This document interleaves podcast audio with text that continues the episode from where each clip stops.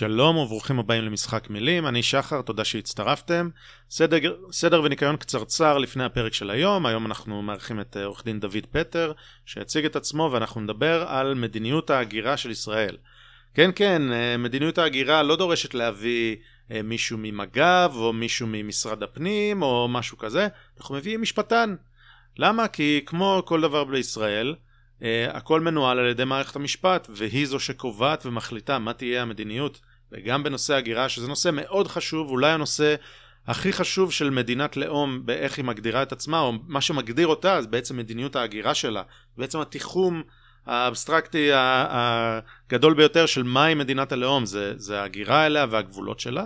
uh, וזה uh, אני אגיד את זה ככה, פשוט תחת מתקפה בישראל כמו במקומות אחרים בעולם, אבל בישראל יש למערכת המשפט כוח מאוד מאוד גדול לשנות ולעצב את המדיניות הזאת, ואני חושב שחלק מהדברים שתשמעו כאן הם דברים שהם אה, שערורייתיים ומסמרי שיער, ודוד פטר עושה את זה בצורה, מסביר את זה בצורה מצוינת וקוהרנטית, ומעורב בכל הפרטים, לכן אני אתן לו לדבר על זה אה, בעצמו. זה, זה נושא מאוד מאוד חשוב, ולכן אנחנו מקווים שתאזינו ברוב קשב ו, וישלחו לנו תגובות או הערות. אה, זה נושא מאוד חשוב, כי זה בעצם המלחמה על הגדרתה של מדינת ישראל, איך היא תהיה מוגדרת ואיך, אה, מה פני העתיד שלה. מדיניות ההגירה זה דבר מאוד חשוב, ולכן אנחנו מוצאים את עצמנו שוב מדברים עליו. אז אוקיי, בלי עיכובים נוספים, קדימה. זה הזמן לשחק את המשחק. time to play the game. Time to play the game.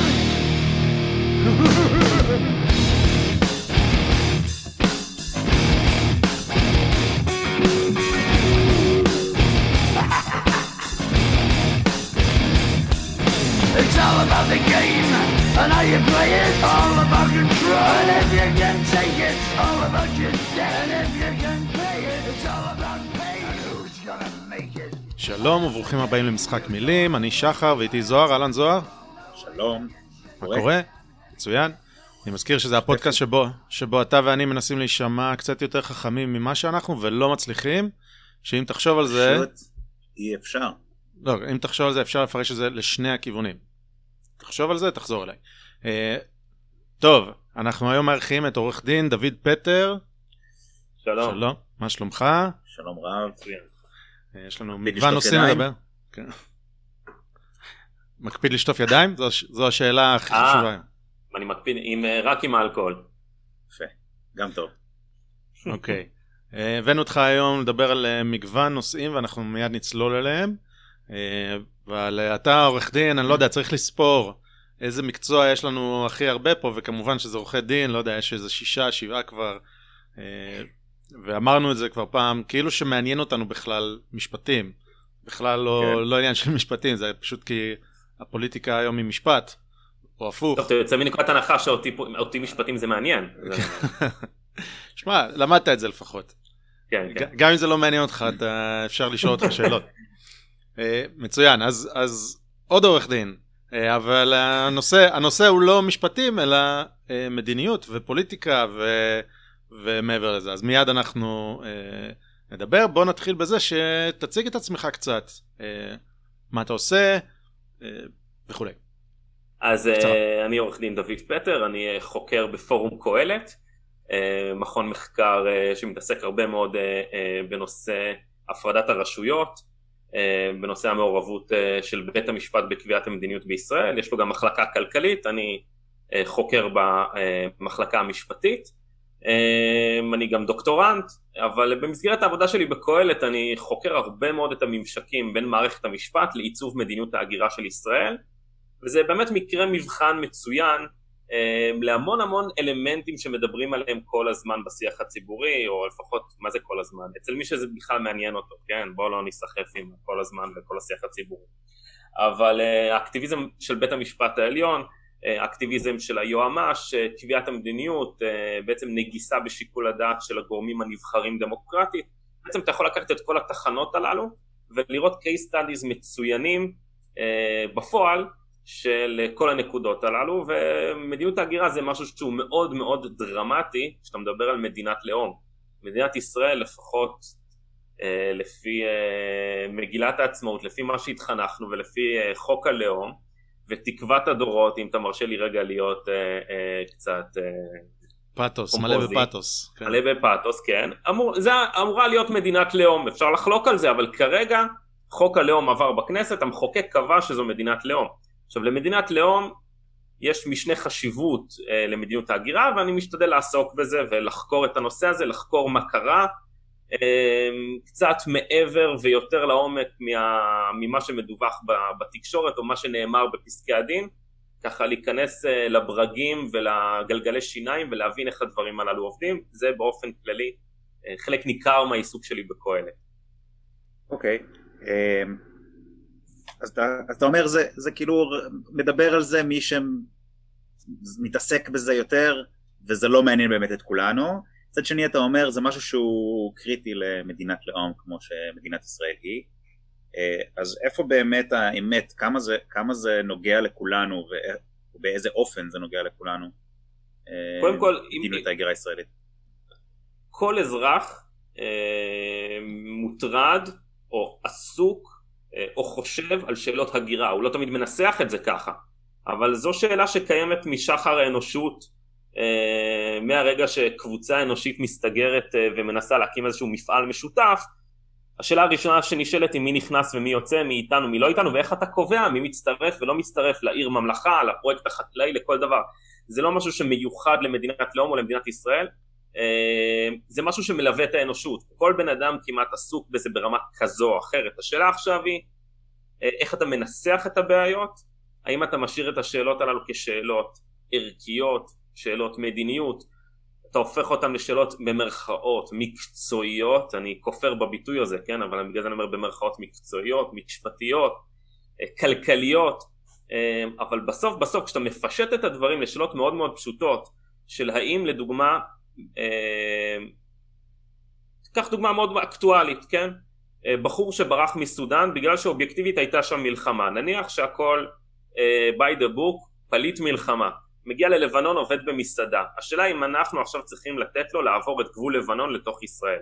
אוקיי, שאלה מאוד, זו לא שאלה פילוסופית, זה לא תרגיל באתיקה שעושים בסמינר uh, uh, באוניברסיטה, זו לא שאלה תיאורטית ולא שאלה היפותטית, זו שאלה של אישה שמציצה החוצה מהחלון בשלומי והיא רואה מתחת לבית מישהו שמסתנן מלבנון ואנש... ויש בן אדם במדינת ישראל, לצורך העניין שר הפנים, שהוא צריך להחליט מה עושים עכשיו. שאלה, זאת אומרת יש פה שאלה שהיא נודדת למעשה בכל המישורים, במישור, במישור של מדיניות כלכלית, משפטית, מדינית, אה, אתית.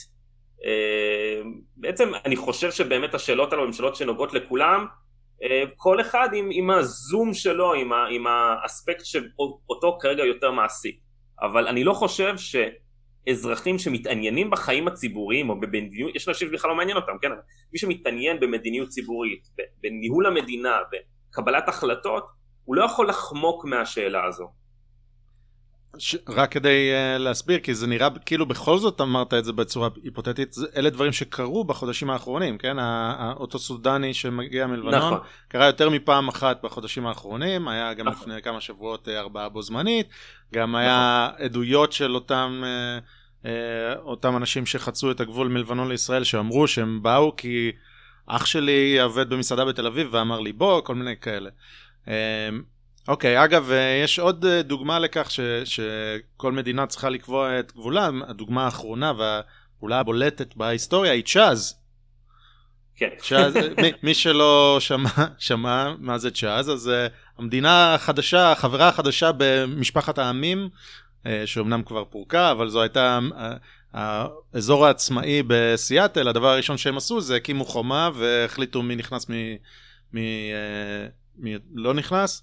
אה, וזה אותם אנשים שאומרים שצריך גבולות, גבולות פתוחים, חוץ מאצלנו. אז uh, סתם כמובן שזה היה חצי בדיחה וחצי לא בדיחה. Uh, אוקיי, אז, אז הגירה זה דבר חשוב, אוקיי, ואתה עוסק בזה. מה, מה יש למחוקק שלנו להגיד בגדול? כלומר, אילו דברים גדולים המחוקק שלנו עשה מקום המדינה, דיבר, דיברת על חוק הלאום, חוק הלאום זה חוק חדש, מה, היה לנו 68 שנים לפני זה, אם, אם נכון, אני זוכר מתי הוא חוקק. אז באמת, יחסית למדינות המערב, שמדינות המערב כל הזמן מווסתות הגירה. אה, יחסית המצב של ישראל מבחינת אה, הרגולציה על הגירה, המצב הוא מאוד מאוד פשוט. יש את הדיפולט, יש את דרך המלך, שזה בעצם זכותו של כל יהודי, כן, יש את הדיון שלם מי הוא יהודי, כן, אבל נשים את זה רגע בצד, אה, זכותו של כל היהודי במסגרת חוק השבות לעלות ארצה. זו זכות קנויה של כל יהודי אה, עד נכדו של יהודי ולמעשה לפי אה, נהלי משרד הפנים גם הנין של יהודי יש לו זכות קנויה לעלות ארצה כולל בני זוג וכולי, הנספחים. זה דרך המלך, זה בעצם החוק היחיד במדינת ישראל שאומר במפורש שאם אתה X אתה יכול לבוא אלינו. אין עוד מנגנון הגירה לישראל מלבד חוק השבות בחוק הישראלי. יש לצד חוק השבות, יש את חוק הכניסה ואת חוק האזרחות. שלושת החוקים הללו הם מגדירים את שערי הכניסה. חוק האזרחות הוא קובע דרכי התאזרחות במקרים מסוימים, כמו לדוגמה דרך נישואים, כן, אם אה, אתה התחתנת, נניח אתה בחור הולנדי והתחתנת עם בחורה ישראלית, אתה יכול להתאזרח דרכה. אבל זה בעצם, זה לא דרך המלך, זה לא הדיפולט. זאת אומרת, יש אזרח ישראלי ואתה נספח אליו, אתה נצמד אליו. אבל, אה, אבל בסופו של דבר כשאני כן מקבל אזרחות אז אין, אין הבדל, כלומר... שום הבדל. זה, שום הבדל, אבל זה, אמרת זה לא דרך המלך, זה פשוט דרך, אה, זה לא דרך חוק השבות, זה דרך חוק אחר. זה מה שהתכוונת. תשים לב, אתה נכון? גם, זה לא שאתה מגיע, נכון, אבל תשים לב, זה לא שאתה מגיע ויש לך אה, מסלול שכתוב בחוק, מסלול מסודר, איך אתה כהולנדי הופך להיות ישראלי. אין מסלול מוגדר כזה, אלא למעשה אגב זה שהתחתנת עם ישראלית, דרכה אתה בעצם מקבל אזרחות. אמ, אבל אתה צריך להסתפח בעצם למישהי אה, או למישהו, לא משנה, אה, בן בת זוג שהם אזרחי ישראל ואתה נספח אליהם. יש גם כל מיני דרכים נוספות, שר הפנים יכול בשיקול דעתו לתת למישהו אה, מעמד, זה קורה הרבה פעמים אצל ספורטאים לדוגמה, רוצים שהוא ישחק בנבחרת ישראל אז נותנים לו מעמד, כל מיני דברים מהסוג הזה, יש כל מיני דברים. כן? אמ, יש כל מיני אפיקים אה, כאלה, אמ, במסגרת האפיקים הללו של שיקול דעת שר הפנים יש גם אפיק הומניטרי, אה, שר הפנים יכול לתת מעמד, אמ, ולצד זה יש את חוק הכניסה, חוק הכניסה הוא אה, מגדיר רמות נמוכות יותר של מעמד, תושב ארעי, ויזת תייר, כל הדברים הללו.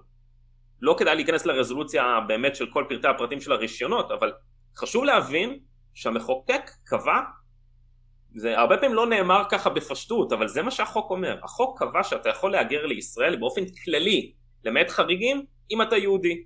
אין למעשה מסלול הגירה אחר, מובנה, ברור, אה, אחרת. אה, זה ברמה פורמלית של החקיקה בישראל. תן לי רגע לעצור אותך ולאתגר אותך. אז בעצם המחוקק נתן, נתן בחוק לפקידות את הכוח. מה אני מתכוון? רב ראשי לישראל הוא פקיד, אוקיי? ונתנו לו את הסמכות כפקיד לקבוע מי הוא יהודי מי לא יהודי ובעצם דה פקטו מי, הוא, מי יכול להיות אזרח ומי לא יכול להיות אזרח. לא ככה? אה, אז ככה. קודם כל אני, אני נתחיל מהסוף. בתשובה מאוד כללית כן. אה, יש פה איזשהו היה פה אילוץ היסטורי פוליטי של בעיה להגדיר מי הוא יהודי כן, אה, זה אחת השאלות הסבוכות ביותר בפוליטיקה הישראלית ביחס למדיניות הגירה, ביחס ליהדות התפוצות, ביחס להרבה מאוד סוגיות שמדינת ישראל מתמודדת איתן ברמת המדיניות. אה, אז לכן החליטו פשוט לא להגדיר את זה עד הסוף, אה, ולמעשה ההגדרה שהתקבלה בתחילה הייתה הגדרה אורתודוקסית, כולל חוק השבות שכולל גם בנים ונכדים של יהודי שמוגדר אורתודוקסית, כן? אמ, בית המשפט העליון לאורך השנים אה, הלך והרחיב את ההגדרות הללו. ההגדרות של מי הוא יהודי על פי חוק השבות? כן, אני אתן דוגמה, אני אתן דוגמה, אוקיי?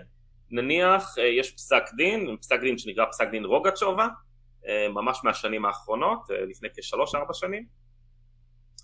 פסק הדין הזה של בית המשפט העליון קובע שאדם שהתגייר בגיור פרטי, לא בגיור ממלכתי של הרבנות הראשית של ישראל, בגיור פרטי בבית דין אורתודוקסי אה, הוא זכאי חוק השבות.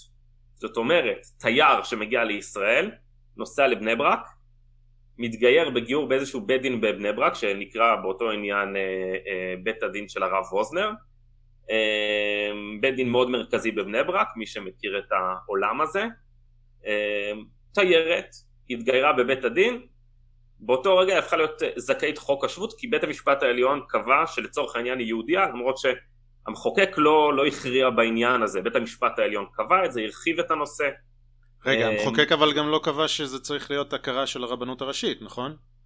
הכרה אורתודוקסית אה, לכאורה... נכון, העניין הזה, כן, העניין, הזה נשאר, אוקיי. העניין הזה נשאר עמום, נכון? אמ, אה, בסופו של דבר השאלה הזו של מיהו יהודי נשארה פתוחה על ידי המחוקק במידה רבה ובאמת לתוך, ה, לתוך העמימות המסוימת הזו הרבה מאוד גורמים מנסים להיכנס ויוצרים איזשהו מאבק סוציולוגי בסוף זה מאבק סוציולוגי אמ, שהפרשנות של מי תגבר.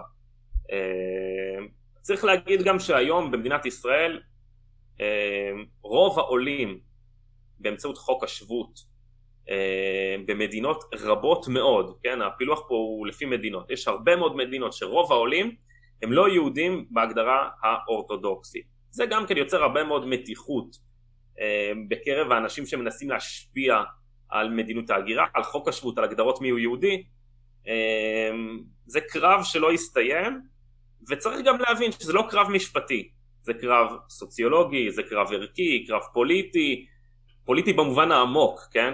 אמ, זה נושא פתוח. ההרחבה הזו אבל היא במסגרת גבולות החוק אז בעצם. זאת אומרת לוקחים את... בעניין הזה, ספציפית כן. בעניין הזה כן. אמ, יש פה, יש פה דקויות שצריך לשים לב אליהן כמו הנושא של גיורי קפיצה אמ, שאתה לדוגמה יוצא מהארץ, מתגייר בגיור רפורמי וחוזר לארץ, יש פה כל הזמן מתיחה של הגבולות אמ, וצריך להיות ער לזה מעבר לעניין הפורמלי של האם מוגדר או לא הוגדר, השאלה היא בחברה דמוקרטית מי האינסטנציה, מי הגורם שאמור להכריע הכרעות מדיניות. זו בעצם השאלה המרכזית. ומנקודת מבטי, נבחרי הציבור בעצם הטריבונל, הפורום שהעם מתכנס, הציבור האזרחי מתכנס, זו בעצם אה, האינסטנציה, זה הפורום היחיד שמוסמך לקבל החלטות בשאלות מדיניות גדולות, אה, ובוודאי שלא אה, גורמים לא נבחרים. אוקיי, okay, נאתגר את הנקודה הזאת עוד רגע. אז בוא, בוא רגע נצלול לכיוון התזה שלך שאומרת שיש גורמים לא נבחרים שמתערבים. אה, ונעשה את זה כמובן אה, על בסיס השינוי או ה... אני יודע, ההתמודדות אה, והאבולוציה של מדיניות ההגירה הישראלית, בוא נגיד בעשור, עשור וחצי האחרונים, נראה לי שמשם אנחנו צריכים להתחיל, להתחיל אלא אם כן תרצה לקחת את זה עוד אחורה, אנחנו מדברים בחצי השני של העשור הראשון של שנות האלפיים, שמתחיל גל פליטות, הגירה, הסתננות, כל אחד ואיזו מילה שהוא לא ירצה לחבר לזה, בעיקר כן. דרך סיני, אבל לא רק, יש לנו גם, גם בשנות התשעים היו עובדים זרים ש, שבאו לכאן ממזרח אירופה ו, וכולי, ש, שרצו נכון. להשתקע והכל, אה, ומדינת ישראל מנסה להתמודד, כי כמדינה מערבית שמחוברת, בואו נדבר בלי, בלי זה, אנחנו מדברים על הסתננות מסיני, מחוברת לאפריקה, אז מדינה מאוד אטרקטיבית, לא צריך לחצות שום ים סוער, לא צריך uh, זה, צריך uh, איכשהו לחסום את, uh, את הגל הזה, ומדינת ישראל מנסה להתמודד עם זה. אבל אולי לא התמודדה עם זה נכון, אז, אז בית המשפט אולי מצא, מצא לנכון להתערב. אז בוא, אם אתה יכול לקחת אותנו אולי להתחלה, מאיפה אתה חושב נכון להתחיל, ומשם uh, נבנה את זה. אז ככה, אז באמת, um... זה כבר יותר מהעשור האחרון, הגל הגדול של ההסתננות מאפריקה התחיל אה, באמצע שנות התשעים, לקראת סוף שנות התשעים, שנות האלפיים, אנחנו כבר מדברים עשרים שנה אחורה, אה, התחיל גל, כמו שאתה אומר, גל מאוד מאוד גדול של הסתננות, אגב, כמו שדייקת, לא מדובר רק בהסתננות מאפריקה דרך סיני, הייתה גם הגירה מאוד מאוד גדולה ממזרח אירופה, אה, מסתנני נתב"ג למיניהם, שמגיעים באשרת תייר ופשוט נשארים פה, בעצם הייתה תופעה מאוד מאוד מאוד בעייתית שכל ישראלי אני חושב מבין אה, אה, על מה אנחנו מדברים. אה, מדינת ישראל נקטה במספר אמצעים. כבר המיידי, אה, זה לא בדיוק כרונולוגי, אבל מבחינה, מבחינת המיידיות של הכניסה לארץ, דבר ראשון שישראל עשתה היא נקטה במדיניות שנקראת החזרה חמה. זאת אומרת, תפסנו אותך בגבול, אה, אנחנו מחזירים אותך אל מעבר לגבול, תפסנו אותך, חצית את גבול אה, מצרים לישראל, נכנסת 100 מטר, אנחנו תופסים אותך, מחזירים אותך לכוחות מצרים. אה, כנגד המדיניות, הז... כנגד המדיניות הזו, שהיא אגב מקובלת לחלוטין במשפט הבינלאומי, אמנת הפליטים של 1951 היא לא אוסרת, בכלל לא אוסרת על ביצוע החזרה חמה, אמ, הוגשה עתירה לבג"ץ אה, בנושא הזה, בית המשפט העליון לא נתן פסק דין שאוסר על החזרה חמה, באותו, היה, התחיל הדיון, כאשר בית המשפט העליון מאותת, זה, בית המשפט העליון הרבה פעמים משתמש בטכניקה הזו, הוא מאותת למדינה שדעתו לא נוחה מהפרקטיקה הזו. מחלקת בג"צים שמייצגת בתיק חוזרת בעצם לבוסים, חוזרת לשר הפנים, חוזרת למשרד המשפטים, ואומרים חבר'ה זה לא יעבור בג"ץ הסיפור הזה. צריך לנסות למצוא פתרונות. באותו זמן המשטר במצרים נופל, יש את האביב הערבי, תוך כדי הדיון, אה, האחים המוסלמים עולים לשלטון, אה, ולמעשה הסיטואציה ההיסטורית, הפוליטית הזו, שהאחים המוסלמים עולים לשלטון בהפיכה צבאית, אה, הפיכה אלימה, יוצר איזושהי בעייתיות מנקודת המבט של מחלקת בג"צים, יוצרת איזושהי בעייתיות וזה שמדינת ישראל מחזירה לכוחות מצרים את אותם אנשים שהמעמד שלהם לא ברור, האם הם פליטים או לא פליטים. אתה בעצם מחזיר אותם לכוחות שהם אה, בסימן שאלה. בית המשפט... אבל, אבל באופן, באופן כללי, במקרה רגיל, לפני האביב הערבי, החזר, אה, החזרה חמה הייתה גם כשבן אדם קרא, ביקש אה, פליטות בעצם, נכנס, כן. חצה את הגבול 100 מטר ואמר שהוא מבקש מקלט, גם אז יכולת להחזיר אותו? ביצעו לו אה, תשאול בשטח, ניסו להבין מה קורה, אה, מי שמתשאל אותו היה אמור להתרשם אה, האם הוא עונה להגדרת פליטות קלאסית, לא עונה להגדרת פליטות קלאסית, הם עברו הכשרה בנושא, אה, זה מקובל אגב בכל העולם הפרקטיקה הזו, מישהו צריך לבצע תשאול, מישהו צריך לשפוט בשטח מה אתה עושה, כל עוד לא הגיעו למסקנה של פליטות מובהקת, החזירו אותו חזרה למצרים.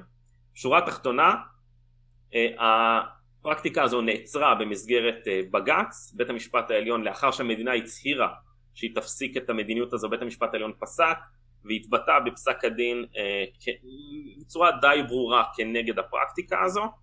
אה, צריך אבל למסגר את זה ולהבין שכל עוד בית המשפט העליון לא פוסק לגופו של עניין, הדבר הזה הוא לא מהווה משהו שהוא קובע, או מה שנקרא בשפה המשפטית הלכה, כן? זה לא מייצר נורמה קובעת.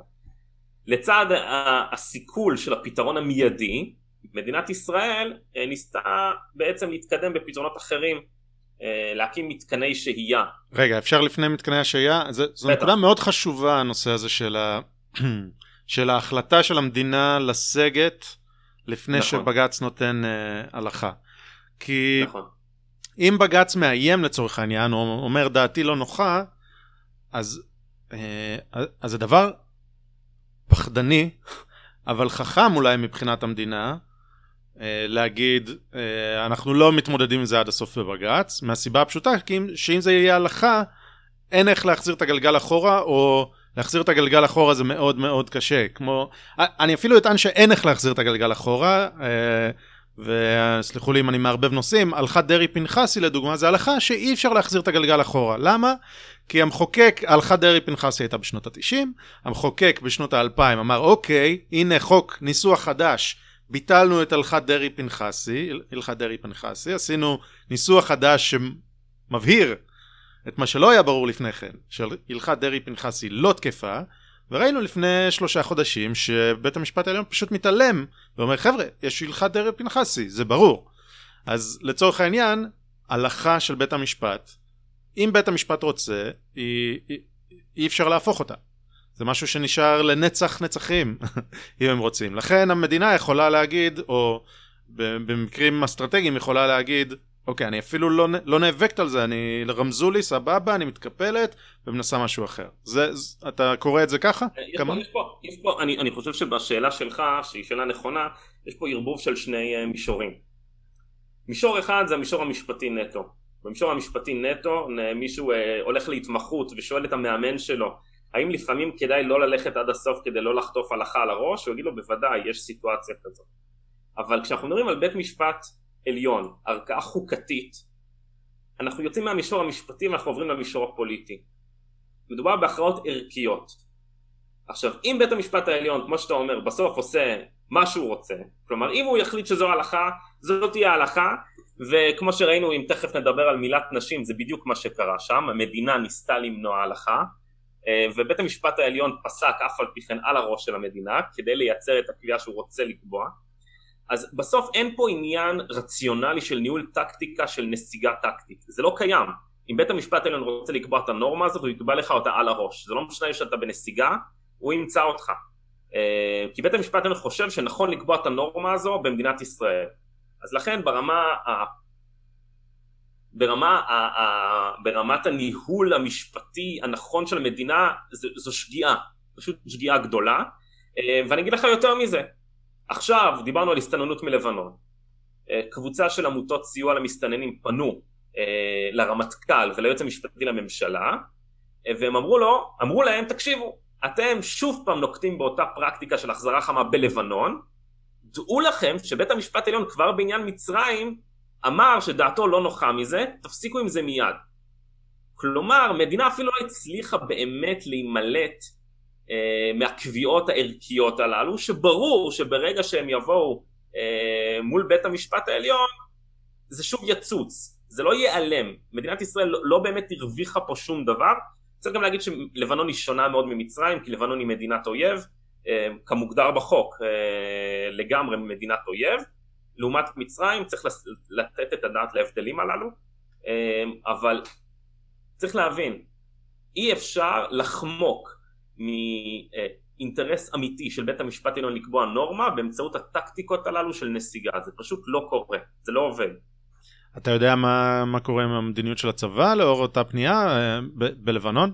כלומר, בינתיים, כמו בינתיים שאמרת, אז ההבדל, ההבדל המהותי היחידי, כמו שאני רואה אותו כרגע, זה, זה שזה מדינת אויב, ולכאורה יכולים להגיד, אוקיי, נוהל פתיחה באש וזהו. כאילו, אתה יודע, לעצום עיניים, אני לא רוצה שזה מה שיהיה, אבל לכאורה אפשר להגיד, מישהו נוגע בגדר, מדינת אויב, אה, אנחנו מפעילים כוח, לצורך העניין. במצרים זה ברור שזה...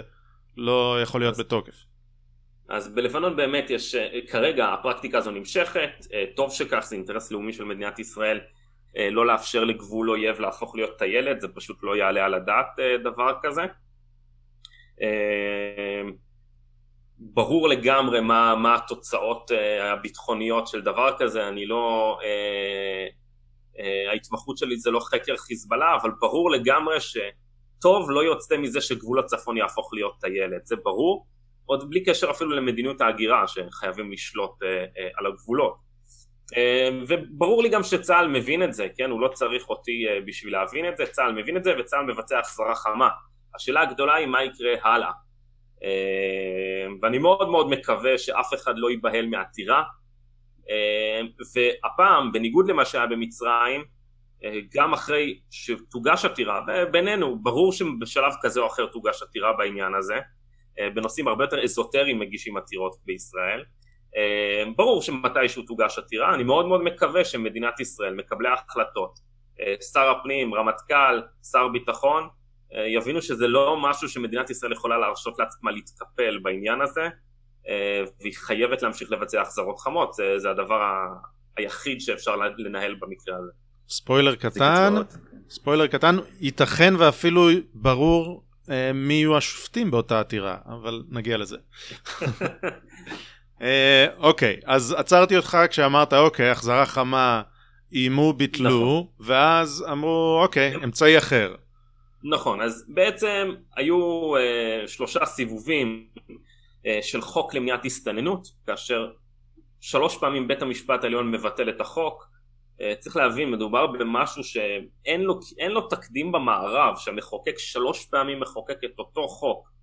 ברמת חומרה יורדת כדי לנסות לעבור את הרף של הערכאה החוקתית, שלוש פעמים רצוף זה נפסל, אה, החוק אה, בעצם קבע שמסתננים שמצליחים לחדור לישראל יועברו למתקן שהייה, זה מה שקורה בהרבה מאוד מדינות מערביות אגב, כאשר במתקן הזה ינסו אני, למצוא להם פתרון. אני יכול רגע אה, דוד, להתעכב על הדבר הזה, אתה אומר אין לזה תקדים בעולם המערבי, אני, אני כאילו, זה נאמר ככה, ו... אה, אני מנסה להבין כמה, אוקיי, חוקקו את החוק, בית המשפט פסל. כמה, נכון. כמה הלכה המדינה בשביל לרצות את בית המשפט? זה, זה היה שם צעדים פשוט. גדולים בין סיבוב לסיבוב? בוא, בוא נסביר, בוא, אה, ככה, אני, הדבר הזה הוא בוטה וברור לחלוטין. בית, אה, המחוקק קבע שאדם יכול לשבת בכליאה עד שלוש שנים, אגב רוב מדינות המערב אדם יכול לשבת במתקן ללא הגבלת זמן, אבל לא ניכנס כרגע לזה, אה, עד שלוש שנים, בשלוש שנים האלה המדינה תאפשר לו בכל רגע שהוא מוכן לצאת מהמדינה למקום אחר, הוא מוכן לעלות על מטוס לאדיס אבבה, סלמת, הוא מוכן לעלות על מטוס אה, לכל מקום אחר, הכל בסדר. קנדה, זאת אומרת אנחנו לא מחזיקים אותו פה שלוש שנים, אנחנו מחזיקים אותו עד שהוא מוכן לעלות על מטוס.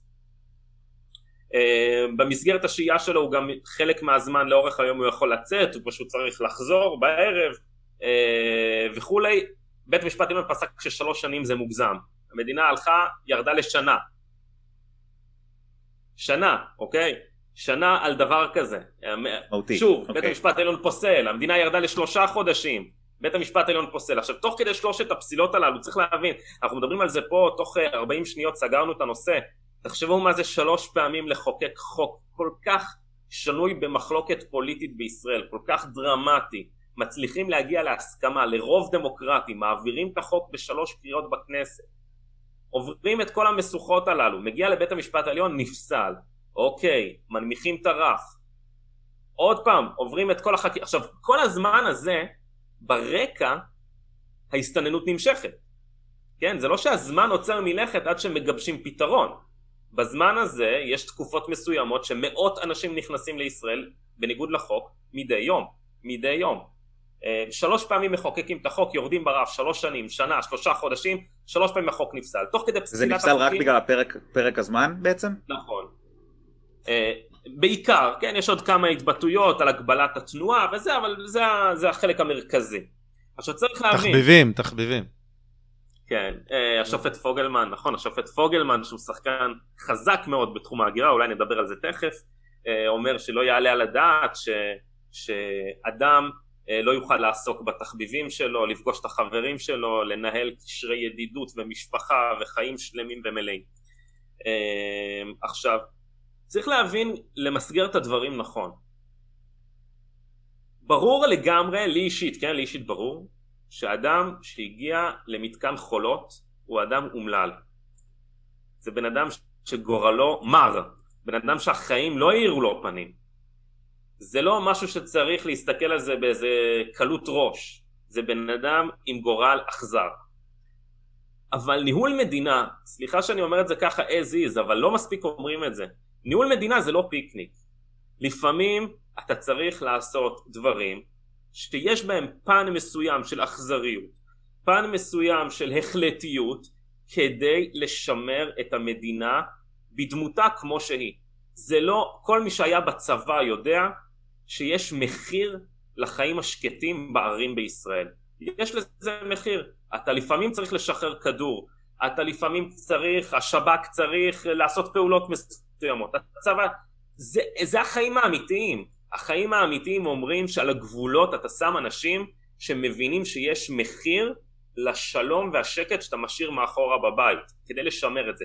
זה לא כל כך פוליטיקלי קורקט לדבר על זה, זה לא נחמד, זה לא עושה חם בלב, זה לא גורם לנו להרגיש טובים, אבל כל בן אדם מבוגר מבין בעיניי שזו האמת. אין שום מציאות חיים אחרת. כל בן אדם שמשכיב את הילדות שלו לישון ושם עליהם שמיכה ומקריא להם סיפור, יודע שיכול להיות סצנריו שמישהו ידפוק בדלת והוא יצטרך לנקוט באלימות כדי שאותו אדם לא ייכנס בדלת.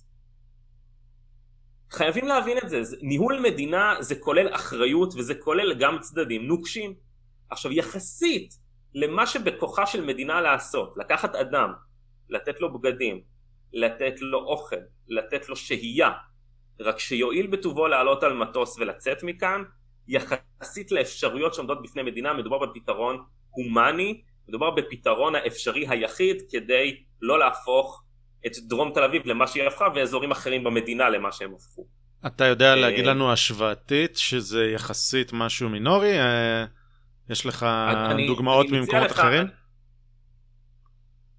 תשמע, אני מציע לכולם, יש uh, כמה כתבות מאוד מעניינות שעשו על המתקנים בארצות הברית שמחזיקים מהגרים uh, בלתי חוקיים. Uh, יש וידאוים ממש מעניינים של תוככי המתקנים הללו. Uh, באמת שהמצב בישראל טוב אלפי מונים. ולא צריך ללכת רחוק. בואו נראה את המצב ההווה. נפתח סוגריים לרגע. כמעט כל מדינות אירופה היום, כמעט כולם למעט אחת שתיים, כל מדינות המערב, כל מדינות אירופה מחזירות מסתננים מסודאן לסודאן. כולם מחזירות, כי המצב הפוליטי בסודאן השתנה. היום סודאן לא נחשבת למקום מסוכן, אין שום עדויות לאירועים קשים אה, בסודאן שמצדיקים אי החזרה ולמעשה ישראל נותרת בין הבודדות בעולם שלא מבצעת החזרות לסודאן. צריך להבין שישראל בכל הנוגע לפליטים ולהגירה נוהגת ביד מאוד מאוד מאוד רכה והומנית.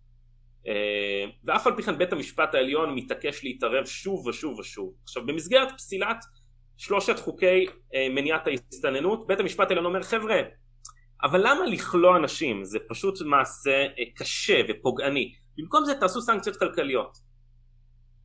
אוקיי.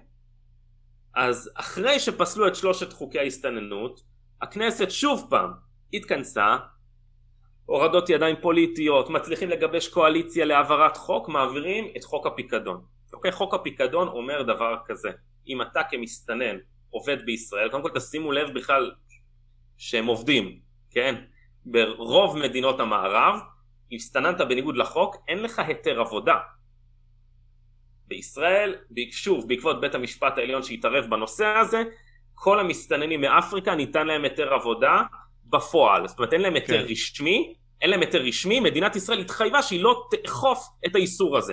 אני לא זוכר עכשיו בדיוק, אבל יש להם אשרה שכתוב עליה אה, אה, אה, אינו מהווה היתר לעבודה, נכון. וזה בעצם, אם זה היתר מסוג כזה, זה אומר שיש להם היתר לעבודה לפי פסיקת בג"ץ. נכון, 2א5, שכתוב...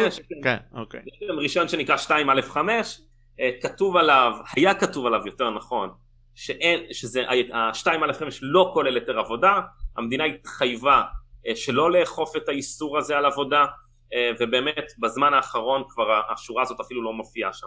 אז שוב לענייננו, המחוקק התכנס, חוקק חוק פיקדון. חוק פיקדון אומר דבר כזה, בצורה מאוד מאוד פשטנית.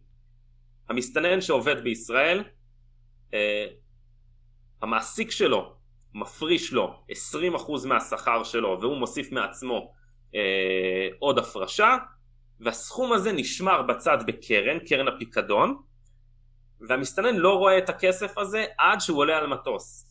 ברגע שהוא עולה על מטוס המדינה משחררת לו את הכסף והוא מקבל את הכסף הזה ליד. בעצם ככל שהמסתנן עובד פה יותר שנים, יש לו פיקדון גדול יותר והתמריץ שלו לעזוב עולה.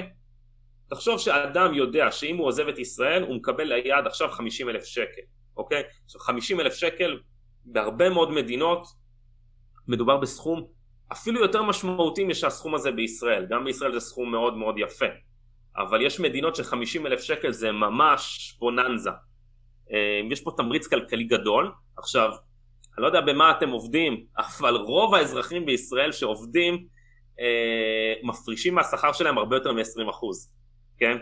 אה, עכשיו תחשוב שהם מפרישים 20% זה הכל. בית המשפט העליון ממש לאחרונה פסל גם את, את החלק הזה בחוק של ההפרשות עובד. רגע זה 20% כי אין להם גם מס הכנסה רגיל או... אין, אין מס הכנסה רגיל, זה לא. רק 20%. לא, הם, הם, הם, זה מורכב, הם כן יש להם הפרשה okay. אוקיי. uh, במקור, ניכוי מס במקור, אבל הם לא משלמים ביטוח לאומי וכל הדברים הללו, okay. אוקיי. מס בריאות הם לא משלמים. אוקיי. Okay. Um, אבל אנחנו מדברים על 20 אחוז, um, כאשר בפועל אם אתה מחשב את כל הברוטו נטו, זה יוצא בגדול כמו אזרח רגיל במדינת ישראל, כן? זה לא שאתה גונב לו עכשיו שלושת רבעי מהשכר, זה לא התרחיש. בית המשפט העליון ממש לאחרונה פסל גם את החוק הזה אחרי ששוב בית המשפט העליון היה זה שאמר לכו לכיוון של סנקציות כלכליות זה עדיף מכליאה אה, או מתקני שהייה כאלה ואחרים אז המחוקק עשה את זה אחרי שלוש פעמים שפסלו לו את החוק הלך, עשה חוק הפיקדון שיזם אותו עורך דין יעקובוביץ', יזם את החוק הזה, החוק הזה נפסל. למעשה, מדינת ישראל נותרה בגדול עירומה. לא כלים. בלי כלים, בלי כלים אמיתיים להתמודד עם הסיטואציה הזו, כי כל כלי בעצם נפסל על ידי בית המשפט העליון. עכשיו בואו רגע נבין על מה אנחנו מדברים. חוק הפיקדון, ברמה המשפטית, החוק נפסל על מידתיות.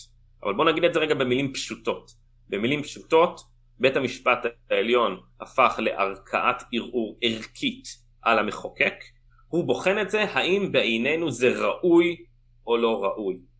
ובסוף הם הכריעו, ברמה הפשוטה מאוד, כן? הם הכריעו שלקחת 20% פיקדון זה לא יפה. זה לא מתאים. זה לא... לא מתאים. עכשיו, את ההכרעות הללו של מה מתאים ומה לא מתאים, אמורים לקבל בבית הנבחרים, ככה זה המודל הדמוקרטי, כן? בית המשפט העליון לא אמור להיות ערכאת ערעור ערכית על הכרעות המחוקק, זה פשוט לא תפקידו של בית המשפט העליון. אה, אז בעצם מדינת ישראל נותרה בלי פתרון, אה, ובית המשפט העליון למעשה היום השאיר את מדינת ישראל עם בעיה מאוד מאוד מאוד מאוד קשה. אין היום שום תמריץ אמיתי לאנשים הללו לעזוב. תגיד, יש uh, חוקים דומים לחוק הפיקדון במקומות אחרים בעולם? אני לא יודע כמה מחקר השוואתי, אני יודע שאתה עושה, עשית כמה מחקרים השוואתיים, אבל אני לא יודע אם אתה יודע לשלוף לי אם יש uh, אח ורע לחוק הפיקדון בהקשרי מדיניות הגירה. ספציפית על חוק הפיקדון אני לא עשיתי מחקר השוואתי, אני לא יודע להגיד לך ספציפית בעניין הזה. Um, אני יודע להגיד לך שבהרבה מאוד מדינות מערביות, כמו ארצות הברית, אבל מדינות רבות אחרות, אם אתה שוהה בניגוד לחוק, אתה בכלל אין לך היתר עבודה. זאת אומרת, אנחנו מדברים פה על חוק פיקדון, צריך להבין רגע את המבנה. חוק הפיקדון בנוי על זה שהמדינה אומרת, מבחינתנו אתה יכול לעבוד. תעבוד, רק נפריש לך שכר. ברוב מדינות המערב, אם אתה נמצא שם בניגוד לחוק, אתה בכלל לא בסיסטם של הניכוי מיסים. אתה בכלל לא במערכת של לקחת פיקדון או לא לקחת פיקדון. זאת אומרת, אנחנו, אנחנו, אתה בסוף עושה חסד עם האנשים, אתה אומר מבחינתנו, כרגע אין לנו פתרון, מסיבות שונות. בינתיים תעבדו, מה, מה נעשה? תעבדו, אה, ובואו רגע נהיה גם ריאליים ולא תמימים. אה, יש קבוצות רבות באוכלוסייה, כמו גם קבוצות רבות במשק, שזה מאוד נוח להם שיש את הכוח עבודה הזה. זה מאוד נוח, זה מאוד נוח כלכלית, כן, ישראל היא לא היחידה במערב עם הגירת עבודה מהעולם השלישי. זה לא בעיה ישראלית ייחודית, בעיה מערבית קלאסית, גם לא בעיה מודרנית, אה, בעיה שהייתה קיימת כמעט אה, תמיד. אבל בשורה התחתונה צריך להבין, הגענו עד הלום, אחרי פסילת החוקים, פסילת החזרה חמה, פסילת חוק הפיקדון, והיום ישראל בבעיה גדולה. אוקיי, okay. uh, עשינו אגב ביקורת על פסילת חוק הפיקדון הגיגים 14, מי שרוצה להאזין יכול להאזין. הביקורת שלנו שסיכמה כל מיני דברים, אבל תן לי לאתגר אותך רגע. אה, רצית להגיד משהו זו? רציתי לשאול איזה משהו, אבל אה, אתה יודע מה, אולי אני אשאל קודם ואז תאתגר? קדימה. אתה תזכור את זה? כן. אה, אתה, אתה כל הזמן אומר בית המשפט העליון פסל, ואז חזר, ואז בית המשפט... זה... מי הם אותם, זה, מי, זה, מי, מי, מי, מי הם האנשים בסופו של דבר בבית המשפט העליון? זאת אומרת, זה לא אותו בן אדם ש... שלח את המדינה, את המחוקק, לחוקק את חוק הפיקדון, שפסל אחרי זה את החוק בעצמו, או שזה אנשים אחרים, וכאילו תלוי, לא הייתה תקשורת כמו שצריך? לא, זה, זה תלוי, כן, אה, את, את, את היוזמה ללכת לסנקציות כלכליות, נדמה לי שזו הייתה... אה, פרוקצ'יה, אני חושב. פרוקצ'יה. אה, כן. היא לא ישבה בתיק כמובן עכשיו של פסילת חוק הפיקדון, היא כבר לא שופטת בפועל. אמ, אז ספציפית זו לא אותה פרסונה כאן. אמ, אבל כמובן שהרבה פעמים יש לך שחקנים חוזרים אה, אם אתם רוצים נוכל להיכנס לדוגמה לשחקנים החוזרים של דפנה ברק ארז אה, והשופט פוגלמן אה, שהם מאז, 2000, מאז מאי 2012 שאני ביצעתי את המחקר מאותה תקופה כי מאי 2012 השופטת ברק ארז מונתה לבית המשפט העליון. אמ, בכל הנוגע לערעורים, לא בג"צים, בכל הנוגע לערעורים על תיקים של הגירה שהגיעו מבית הדין לעררים אתה מגיע בעצם עד למעלה, עד בהיררכיה המשפטית אתה מגיע עד לבית המשפט העליון, מאז מאי 2012 96% מהתיקים הגיעו לברק ארז או פוגלמן בלבד. אז, אז רגע, יש אותו מבנה, יש לו שני כובעים. הראשון הוא בית המשפט העליון והשני הוא בג"ץ. אלה שני דברים שונים נכון. שקורים נכון. באותו בניין עם אותם אנשים, אוקיי? נכון. בית המשפט העליון זו ערכאה ערעורית עליונה, כלומר, מתחיל בבית משפט נמוך או בית דין נמוך, אתה עולה למחוזי ואתה מגיע לעליון. אוקיי? בסוגים שונים של עתירות זה, זה שונה, אה, אבל בסופו של דבר אתה מגיע לעליון, ובג"ץ, תעזור לי פה, אבל בג"ץ זה בעצם אה, היכולת של, אתה לא מגיע דרך משפט, דרך בית משפט נמוך יותר, אלא זה בית דין גבוה לצדק, שבו אתה כאזרח יכול לעתור נגד עוול שנעשה לך, או במקרה של ישראל, אה, כל, כל, כל סיבה שלא בא לך אתה יכול לעתור לבג"ץ. נכון, בית המשפט העליון זו בעצם אה, ערכאה שגם היא, יש בה כמה אספקטים. ברמה הקלאסית אה, זו ערכאה שלמעשה מיועדת לפתור בעיות שאין להם ערכאה אחרת. אוקיי? אני רוצה לתקוף ישירות אה, החלטה לדוגמה של שר הביטחון אה, בענייני אה, מסיבה כזאת או אחרת והחוק לא הגדיר לאיפה אני אמור ללכת אז בעצם זו מה שנקרא סמכות שיורית, כן? ברירת המחדל אם אין לי משהו אחר מוגדר להגיע לבג"ץ. זו פונקציה אחת של בג"ץ. פונקציה אחרת של בג"ץ זו תקיפה ישירה אה, של החלטות אה, שרים אה, בתחומים שונים ובעצם אחרי המהפכה החוקתית זו גם תקיפה ישירה לפסילת חוקים. אז בעצם בג"ץ הוא גורם מאוד מאוד מאוד דומיננטי בעיצוב המדיניות במדינת ישראל וכמובן במשחק בין הרשויות השלטוניות. תגיד, רק אה, כדי לסבך את זה עוד טיפה, יש גם, יש פה איזה כפילות עם בית המשפט לעניינים מנהליים, שזה המחוזי ירושלים, לא? שהוא... לא, אין כאן כפילות, okay. כי בית אוקיי. המשפט לעניינים מנהליים אה, הוא נמוך יותר, זאת אומרת, אם אתה רוצה לתקוף דברים מסוימים שנמצאים בחוק בית משפט עניינים מנהליים, עשו רשימה ארוכה של חוקים mm.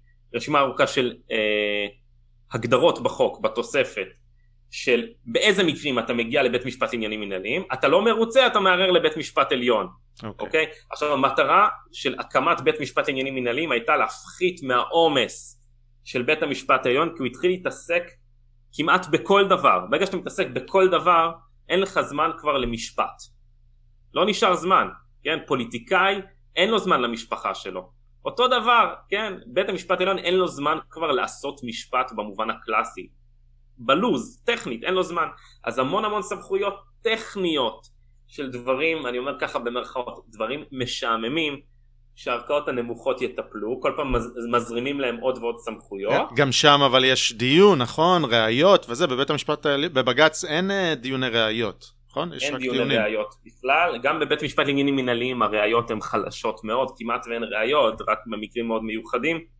בית המשפט העליון צריך להבין, הוא, הוא מכריע בדברים החשובים ביותר במדינת ישראל בלי ראיות. אוקיי, אני לא, אני לא יודע איך קוראים למשפט בלי ראיות, אבל משפט זה לא. זה משהו אחר. אוקיי? זו מועצת חכמים. debate, debate, כן. זה מועצת חכמים, זה גם לא באמת debate, אבל אה, כי ב debate יש לך שניים שמתווכחים ומישהו מכריע מי טען יותר טוב. כן. אה, פה זה לא בדיוק המקרה. אה, אוקיי, אז, אז עשינו הבהרה על ההבדלים בין בית המשפט העליון ו, ובג"ץ, ואמרת משהו שדי מדהים, שבכל הערעורים שהגיעו לבית המשפט העליון, נכון? נכון. עררים, ערעורים, שקשורים להגירה, 96? כן. 96 אחוזים. 96 אחוזים מ-2012 הגיעו לדפנה ברק ארז ועוזי פוגלמן, נכון. שהם שני שופטים. נכון, עכשיו בואו נסביר את הדברים כמו שהם. דפנה ברק ארז והשופט פוגלמן, ללא קשר לשיפוט האישי של כל אחד מאיתנו או של המאזינים, וזו עובדה ידועה, לא דורשת אה, יותר מדי ברור.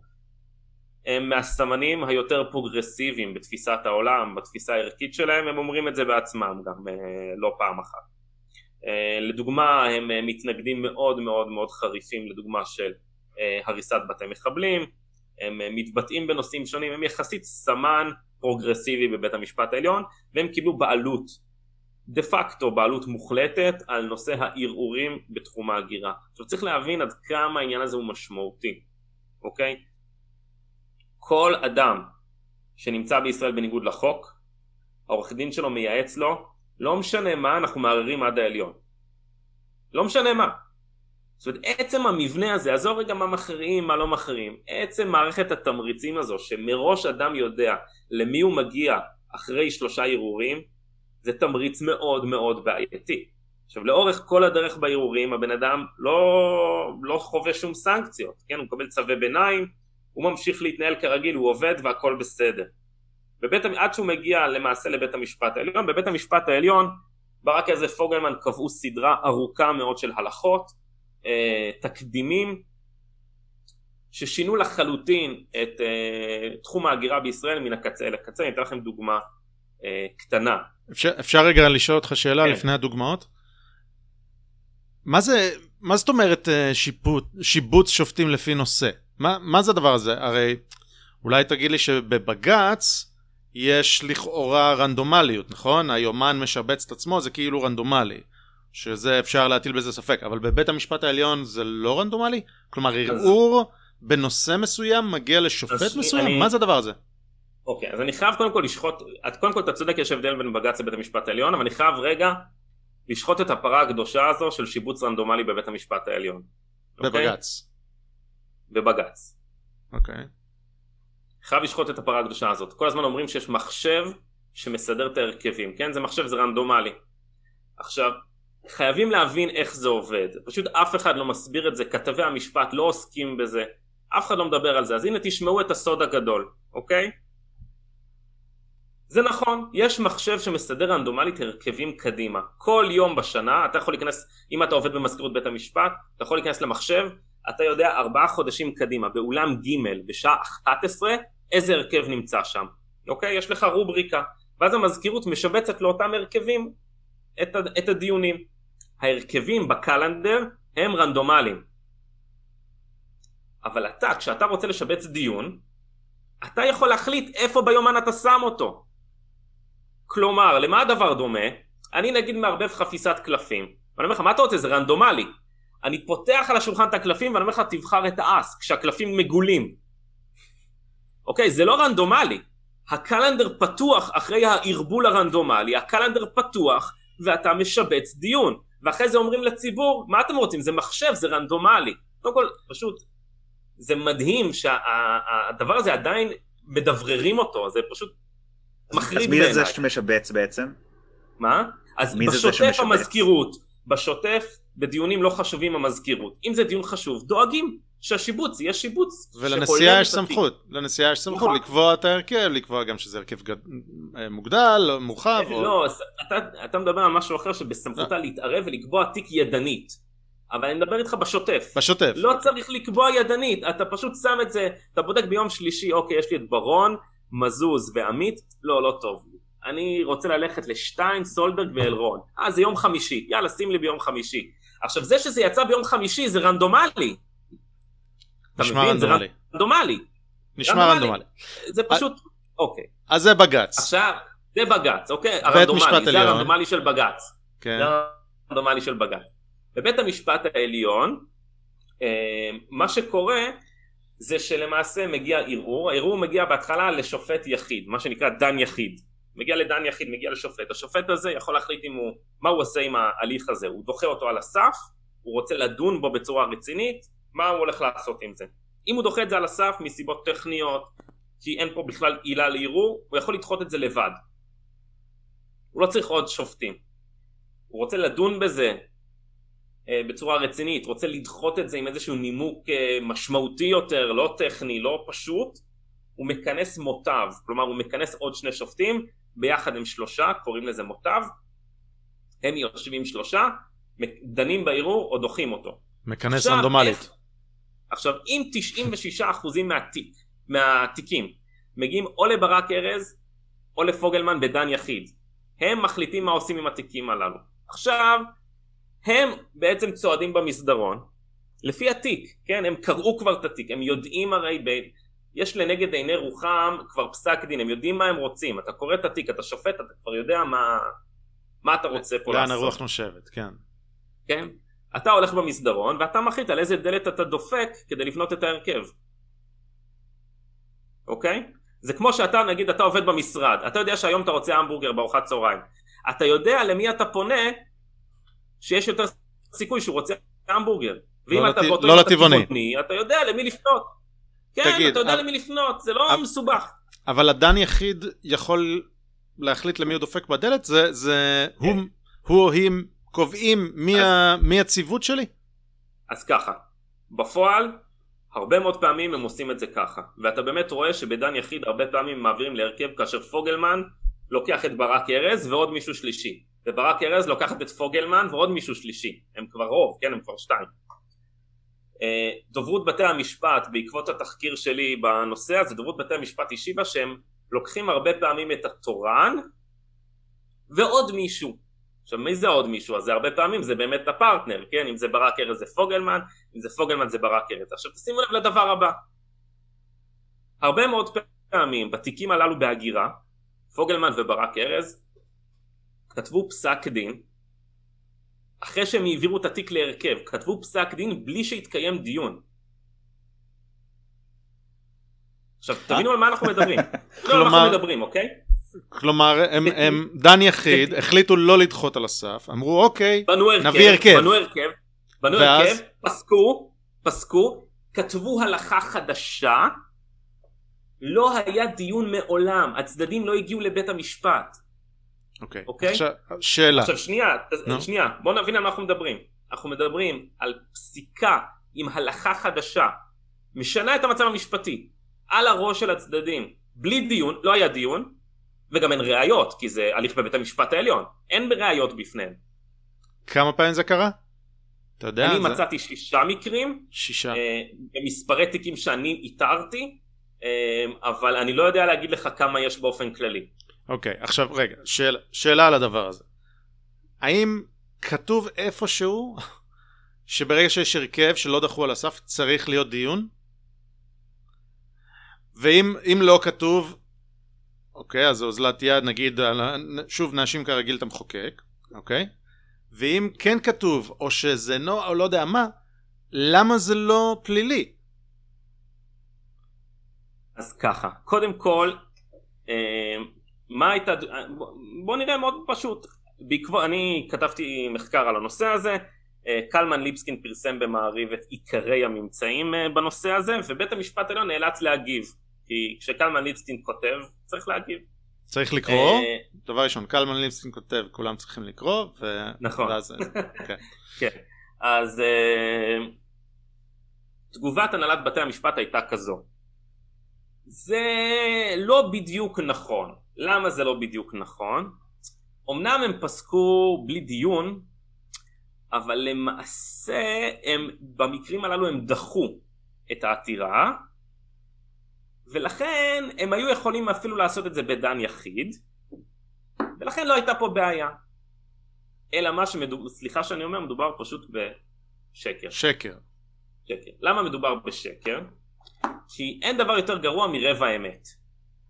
זה נכון שבחלק מהמקרים הם דחו את העתירות, אבל הם דחו את זה כשהמדינה היא המערערת, אוקיי? אז המדינה היא המערערת, כלומר אתה פוסק לטובת המסתנן, באותם מקרים, יוצר הלכה חדשה לטובת המסתנן בלי לקיים דיון, להתעלות בזה שזה דחייה זה לא נכון. עכשיו ההבדל, דבר שני, ההבדל המהותי הוא, הוא בין זה שאתה דוחה על הסף לבין זה שקבעת ההלכה, נכון? זה ההבדל נכון, המהותי. עכשיו תשים לב לעניין נוסף, ברמה משפטית יש כלל, אוקיי? פה נכנס העניין שצריך קצת להבין אה, את, כללי, את כללי פיפא, כן? איך זה עובד. כדי לקבוע הלכה, אתה לא יכול להיות בדן יחיד, אתה חייב שלושה. דן יחיד אין לו סמכות לקבוע הלכה. כלומר אתה חייב את השלושה האלה, אתה חייב לקבוע הלכה, אתה בוחר את האירוע, בוחר את ההרכב, לא מקיים דיון, בשביל מה דיון? למה שמישהו יפריע לך כאילו בכתיבה שלך בכלל? ולכן שאומרים לך בתגובה, שאומרים לך בתגובה, היו יכולים לעשות את זה גם בדן יחיד, לכן, בגלל מה שאמרת עכשיו, לכן זה שקר. נכון. זאת אומרת, הם היו יכולים לעשות את זה בדן יחיד אם הם לא היו קובעים שם הלכה, אבל הם רצו לקבוע הלכה, והם קבעו הלכה, לכן זה פשוט, התגובה של הנהלת בתי משפט היא פשוט לא נכונה, והיא בנויה על זה שהם מניחים שאתה לא מבין את, את המהלך שנעשה פה כדי לקבוע הלכה בלי דיון. הם, מניח, הם, הם פשוט, הם בונים על זה שאתה לא מבין את השחמט הזה, אוקיי? אבל יש פה שחמט. עכשיו צריך להבין, ככה הרכבים נראים, ספציפית בתחום ההגירה, המשמעות של זה היא מרחיקת לכת. אני אתן לך דוגמה קונקרטית למשהו שהם עשו במסגרת הליכים כאלה. פוגלמן וברק ארז. דוגמה מאוד מאוד פשוטה להבנה. המחוקק קבע ששר הפנים מוסמך לקבוע גבולות גזרה גיאוגרפיים איפה עובד זר יכול לעבוד, אוקיי? אני מגיע מישהו מתאילנד, אומר אני רוצה לעבוד בחקלאות, בחממות בדימונה, אוקיי? שר הפנים מוציא לו רישיון עבודה, שכתוב בו אתה יכול לעבוד מבחינתי מגדרה עד אילת. אתה רוצה לעבוד במקום אחר? אתה לא יכול, זה הרישיון שלך, אתה יכול לעבוד באזור הזה, אני בונה רגולציה של אזורי עבודה. אתה לא מעוניין, אתה יכול ללכת הביתה, זה מדינה חופשית, אתה, יש לך דרכון, תלך הביתה, אין שום בעיה. אתה רוצה לעבוד אצלנו, יש לנו הגדרות, מה אנחנו מוכנים ולא מוכנים. החוק עבר, שר הפנים קבע גבולות. בית המשפט העליון, שוב בהליך ערעור כזה על הגירה, קבע שאסור לשר הפנים לדחות על הסף בקשה של עובד זר לעבוד מחוץ לאזור הגיאוגרפי. הוא לא יכול לדחות. שר הפנים קבע נוהל, אני לא מקבל בקשות, הוא צריך להירשם כשהוא עובר מקום עבודה, כן, הוא צריך לדווח איפה הוא. אז שר הפנים קבע שאם הוא מנסה לעבור למקום עבודה מחוץ לתחום הגיאוגרפי, לא בודקים בכלל את הבקשה, זה, זה פוסלים את זה על המקום, דחייה על הסף. בית המשפט העליון אמר, לא, לא, אתה צריך לבדוק את זה. אולי יש לו סיבה טובה, אולי, עכשיו אתה צריך להבין, אתה לא יכול לנהל מדיניות של עשרות אלפי עובדים בלי כללים. אתה לא יכול. תגיד, הכלל הזה הוא, הוא חוק, הוא, אה, הוא כן, חוק, חוק אה, חקיקה ראשית. כן. אז, אז בעצם לא נספר בסטטיסטיקה, אבל פסילת חוק, זה מה שזה היה. בוודאי, זה יש... אה, אוקיי. ב- לא, לא, אני, אני, ידוע, ידוע, אבל אני רוצה רק ש, שנסדר שוב את ה... כן. אוקיי. כן. עכשיו לא, לא תחמוק. עכשיו רגע, שנייה, רק בשביל, ר, רק בשביל ר, לסבר. את האוזן, שחר, יש, יש אה, 15 אם אני לא טועה שופטי עליון משהו כזה כן נכון 15 כן. אוקיי 15. אוקיי אז הסתברות לא. אוקיי. כן הסתברות אה, לא משהו. אה, לא לא עכשיו חיות בתגובה שלה לתחקיר הזה חיות אומרת חד משמעית כן שיבצנו את פוגלמן ואת ברק ארז כי יש להם מומחיות לעניין. פוגלמן וברק ארז מעולם לא עסקו בנושא הגירה לפני שהם מונו לבית המשפט העליון אה, אין גם שום סיבה לקחת חלק אחד מהתחום המינהלי ולתת אותו דווקא להם. אה, אם יש, לברק ארז יש מומחיות בתחום, בתחום המינהלי באופן כללי, אה, אבל אין שום סיבה לבדל תחום אחד כל כך רגיש ולתת אותו רק לשני, לשני שופטים שהם קובעים את כל המדיניות, זה גם לא בריא משפטית. לא הבנת, יש להם מומחיות בתחום המוסר פשוט, ואתה לא, כן. לא, לא מבין, אבל, אבל אתה לא תחמוק. האם הדרישה לקיים דיון, כלומר אחרי דן יחיד, ואז קובעים הרכב, האם איפשהו כתוב שהם צריכים לעשות דיון? אם לא, אז למה לעזאזל לא חוקקו חוק כזה? או למה, למה לא לעשות את זה עכשיו מיד אחרי התחקיר המטורף שלך? ואם כן, האם, למה זה לא פלילי? למה, אני, זה מטריף אותי. אתה יודע להגיד אה, אם, אם זה אופציה א' או ב'? אז ככה, כן יש אה, סדרי דין שנקבעו בבית המשפט העליון, הם חייבים לקיים דיון אה, בוודאי כאשר הם רוצים לקבוע הלכה, אה, זה קבוע בסדרי הדין של בית המשפט העליון, מדובר במשהו שהוא פשוט, אני שוחחתי בעניין גם עם שופטים אגב אה, לגבי העניין הזה, הם עצמם היו בהלם טוטאלי שהעניין הזה קורה, אה, שוב, צריך להבין מה הנימוק שלהם. הנימוק שלהם הוא שפורמלית, סך הכל רצינו לדחות. עכשיו זה פשוט לא נכון, כי אם רצית לדחות היית משאיר את זה בדן יחיד. עובדה שקבעת הלכה חדשה ועברת להרכב. יש פה משחק אה, בין הטיפות, אבל זה לא באמת בין הטיפות. זה כאילו, תחשוב שאני בין הטיפות, יש פה משחק של השפעה דרמטית, של שינוי מדיניות, של קביעת נורמות, כמה שאפשר בצל. לא להיות מתחת לאור הזרקורים. עכשיו אני דיברתי במקרה, אני דיברתי עם אחד הצדדים בתיקים הללו, באופן אישי. אני הלכתי, ביררתי מי הצדדים, הלכתי, דיברתי איתו. אמרתי לו, תגיד לי, מה, מה היה שם? אז הוא אומר, מה זה מה היה? אנחנו חיכינו שיקבעו דיון, חשבתי זה קצת מתעכב, מי שמכיר את מערכת המשפט בישראל יודע שהרבה פעמים דיונים נקבעים שמונה חודשים קדימה. אמרתי אוקיי זה קצת מתעכב, עוד לא הודיעו לנו. פתאום אני מקבל במייל פסק דין מבית המשפט העליון עם הלכה חדשה. עכשיו, אה, זה, תחשוב שאתה עורך דין מייצג, אתה פשוט מקבל במייל פסק דין ולא היית שם. זה פשוט בלתי נתפס.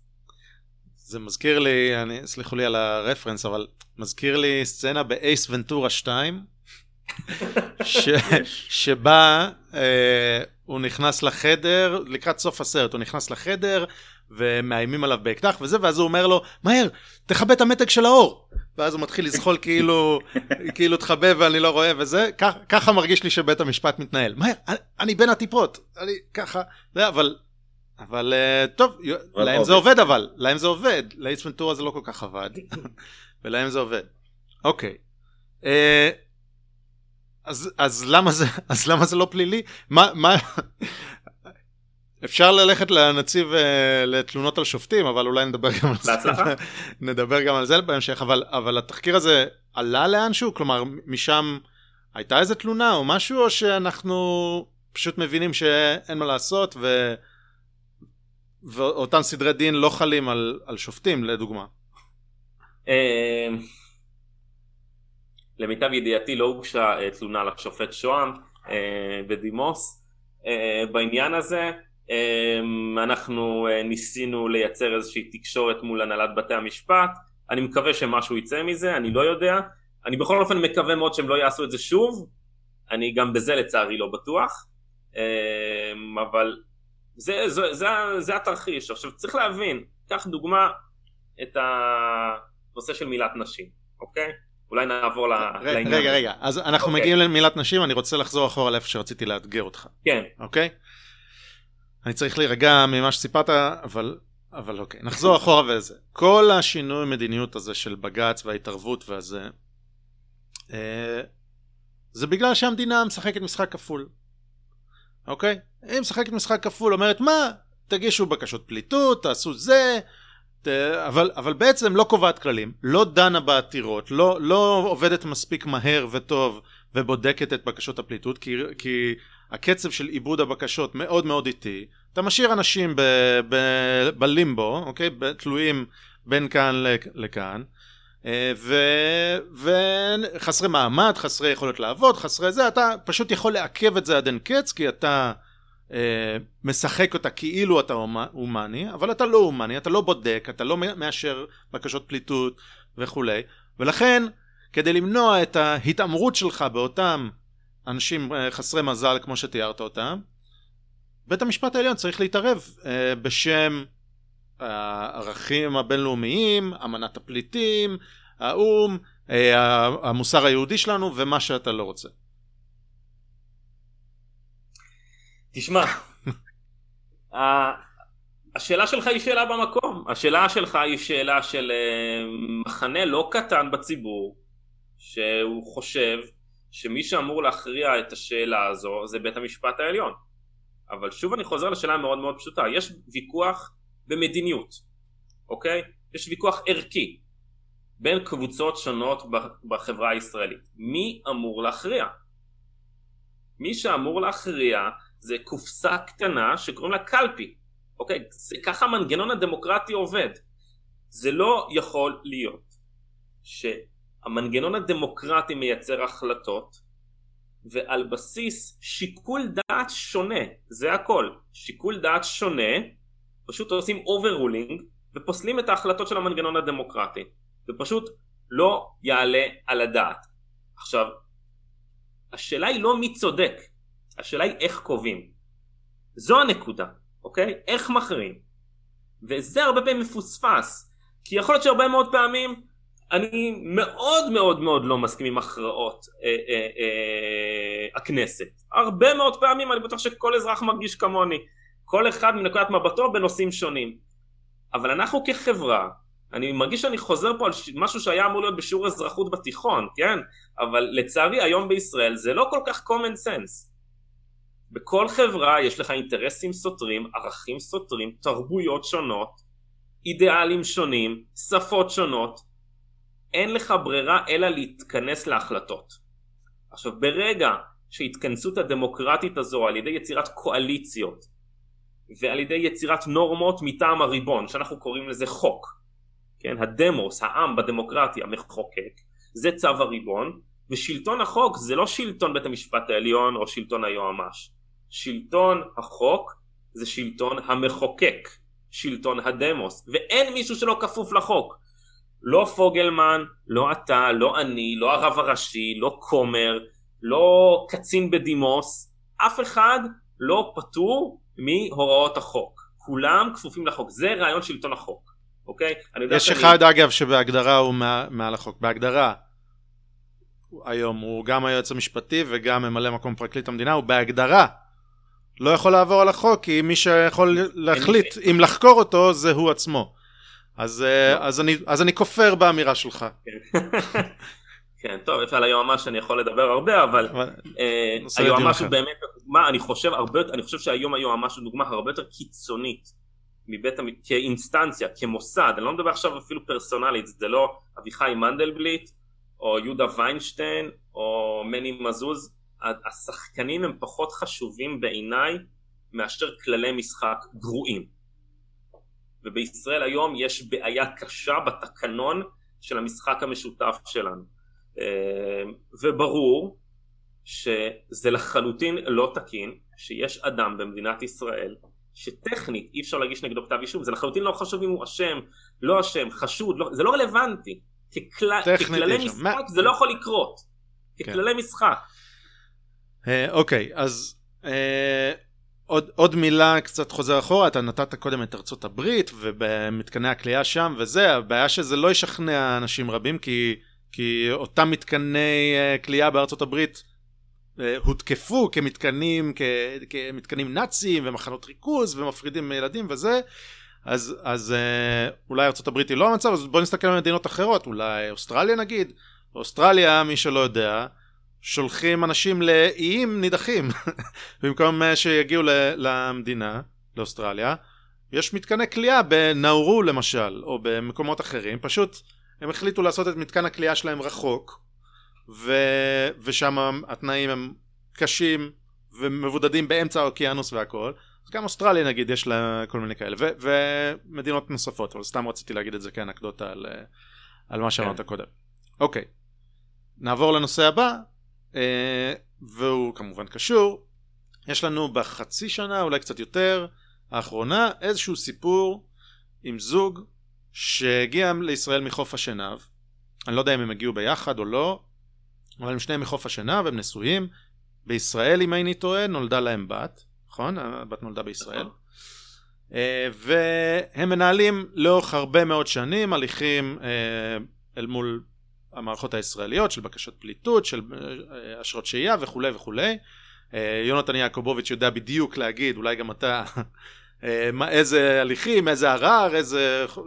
וכולי וכולי. קיצר, עשו, הטריפו את המערכת שנים על גבי שנים, נולדה להם בינתיים בת וכולי, וכאופציה, האופציה הגרעינית, בסוף, כנראה בהמלצה של הצוות המשפטי שלהם, אמרו, אוקיי, אנחנו לא יכולים לחזור לחוף השנהב, כי אנחנו חוששים ש...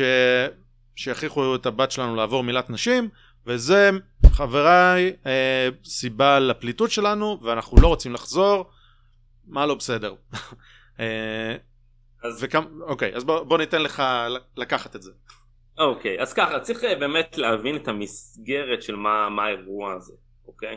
קודם כל בפן ה... של הנסיבות של המקרה למרות שבאמת זה פחות חשוב אבל בנסיבות של המקרה הם בכלל לא טענו שיש להם מילת פליטות בגלל מילת נשים בהתחלה. אחרי שהם טענו לפליטות פוליטית. אחרי שדחו את הבקשה שלהם ונולדו להם בנות, הטענה הזאת צצה, נכתב על זה גם אה, מאמר באוניברסיטת תל אביב, בקליניקה, ספציפית על המקרה שלהם, והם אמרו הנה זו דוגמה קלאסית להונאת פליטות. אה, שאתה פתאום נזכר באיזה עילה חדשה, עליהם פרסונלית, כן, עוד לפני שהדיון הגיע לבג"ץ, אבל אוקיי. אז המסגרת היא מסגרת מאוד בעייתית מבחינת הנסיבות והראיות, אבל זה פחות חשוב כי אנחנו מדברים פה על משהו עקרוני. מבחינתי נניח שהם אותנטיים לחלוטין ומ-day one זו הטענה שלהם. אנחנו מדברים פה על מדיניות, פחות חשוב כרגע הנסיבות של התיק הספציפי. אני נותן להם אשראי עליי כל הטענות שלהם אמת מוחלטת. הטענה שלהם היא מאוד פשוטה.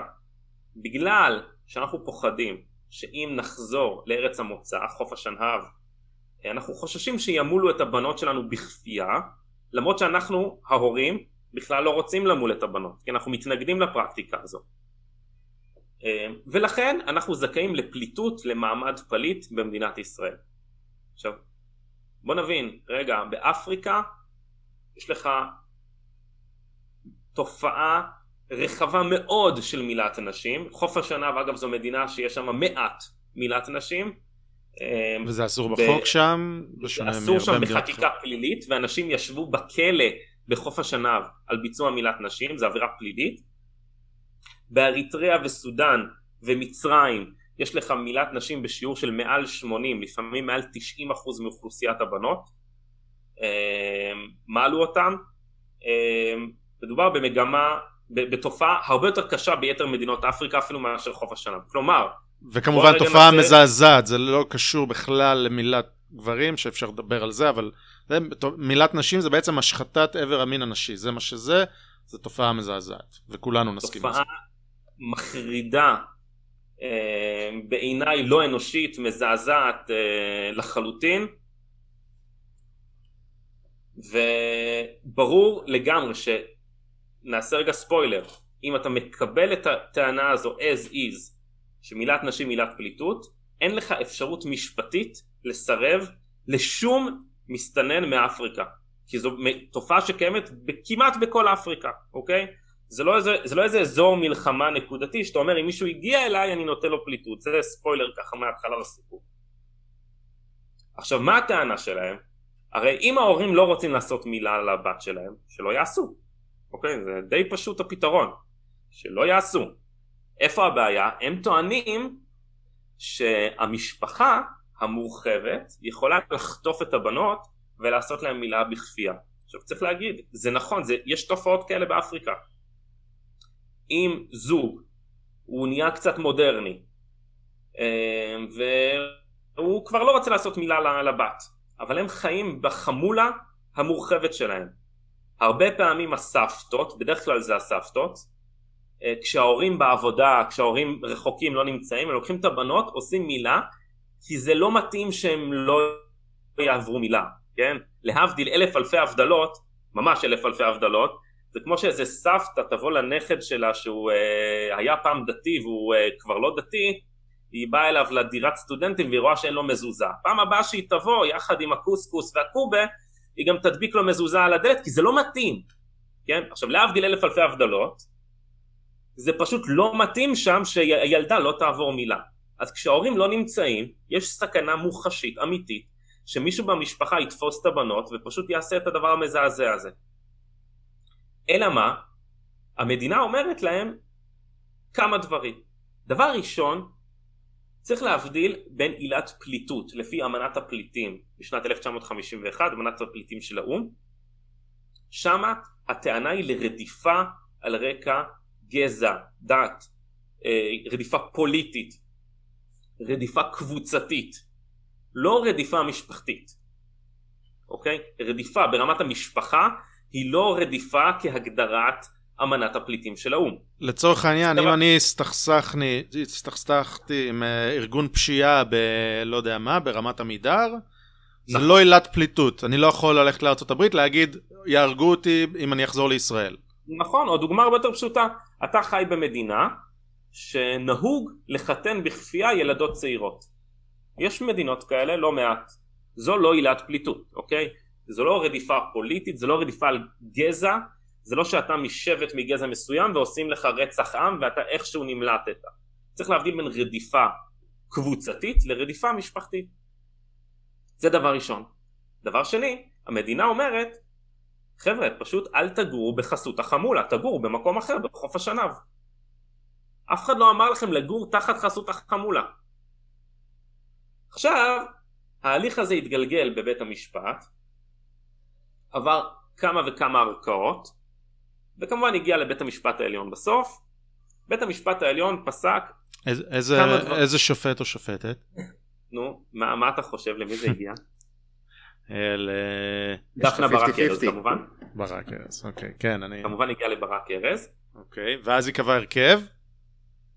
ואז נקבע הרכב, כן. עכשיו צריך לשים לב לדבר חשוב בפסק הדין. היא קובעת שם כמה דברים. דבר ראשון היא אומרת, מדובר בעילת פליטות.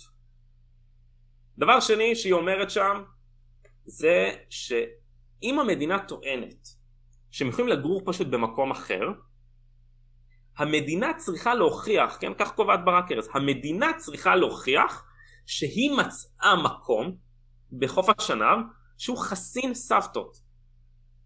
אין. לא, לא חוף השנהב צריכה להוכיח, ישראל צריכה להוכיח ישראל שיש להוכיח מקום שהיא בטוח. מצאה מקום עבור הזוג הזה. שהוא חסין, שהוא חסין סבתות מועלות.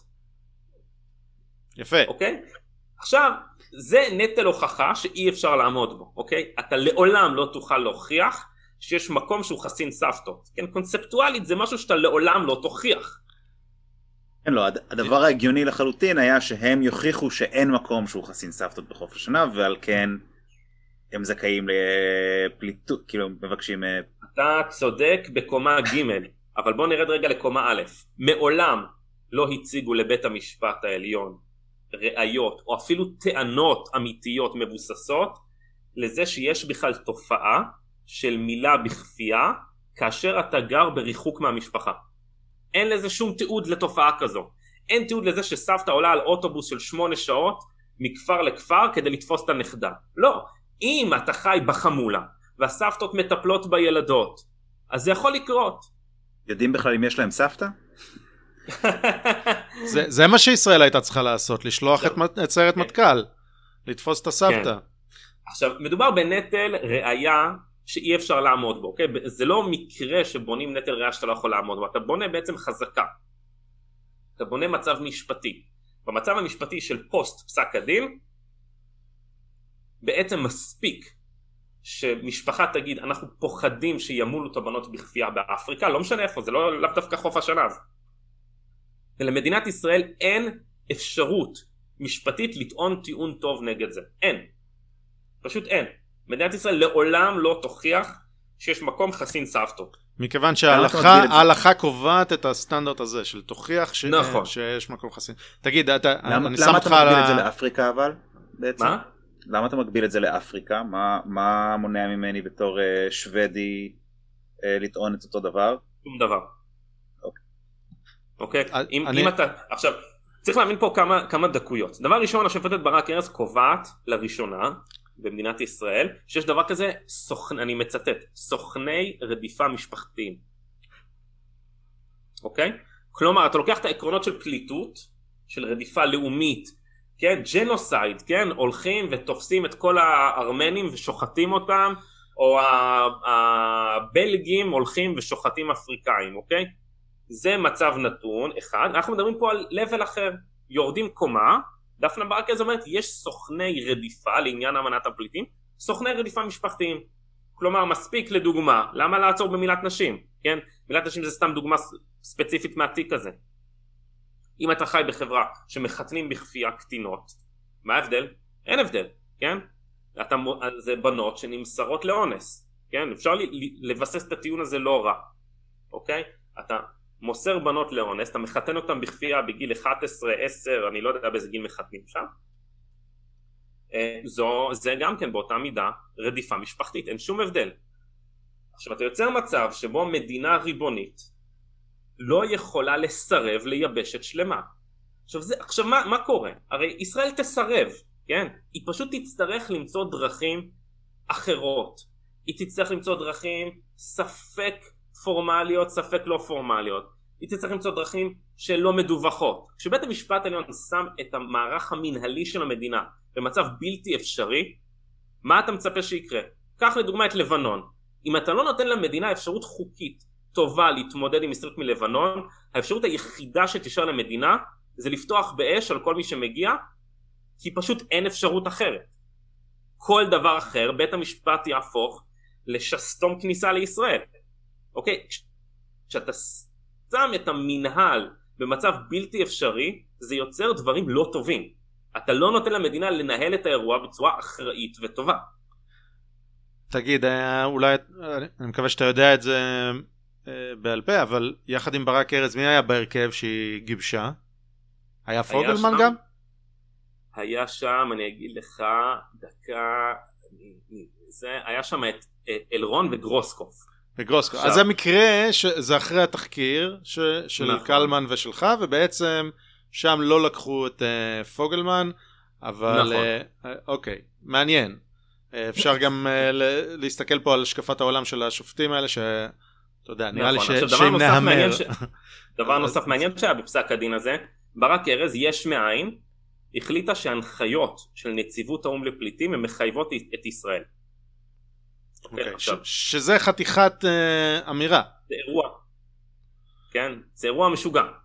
עכשיו, מדפסת של uh, בוגר קולג' בנורבגיה שכותב את uh, הנחיות נציבות האו"ם לפליטים כפרויקט גמר בתואר שני במדיניות הגירה גלובלית, זה הופך להיות מבחינת שופטת בית המשפט העליון דפנה ברק ארז כאיזה נורמה מחייבת את החברה הישראלית. מעל החוק הישראלי.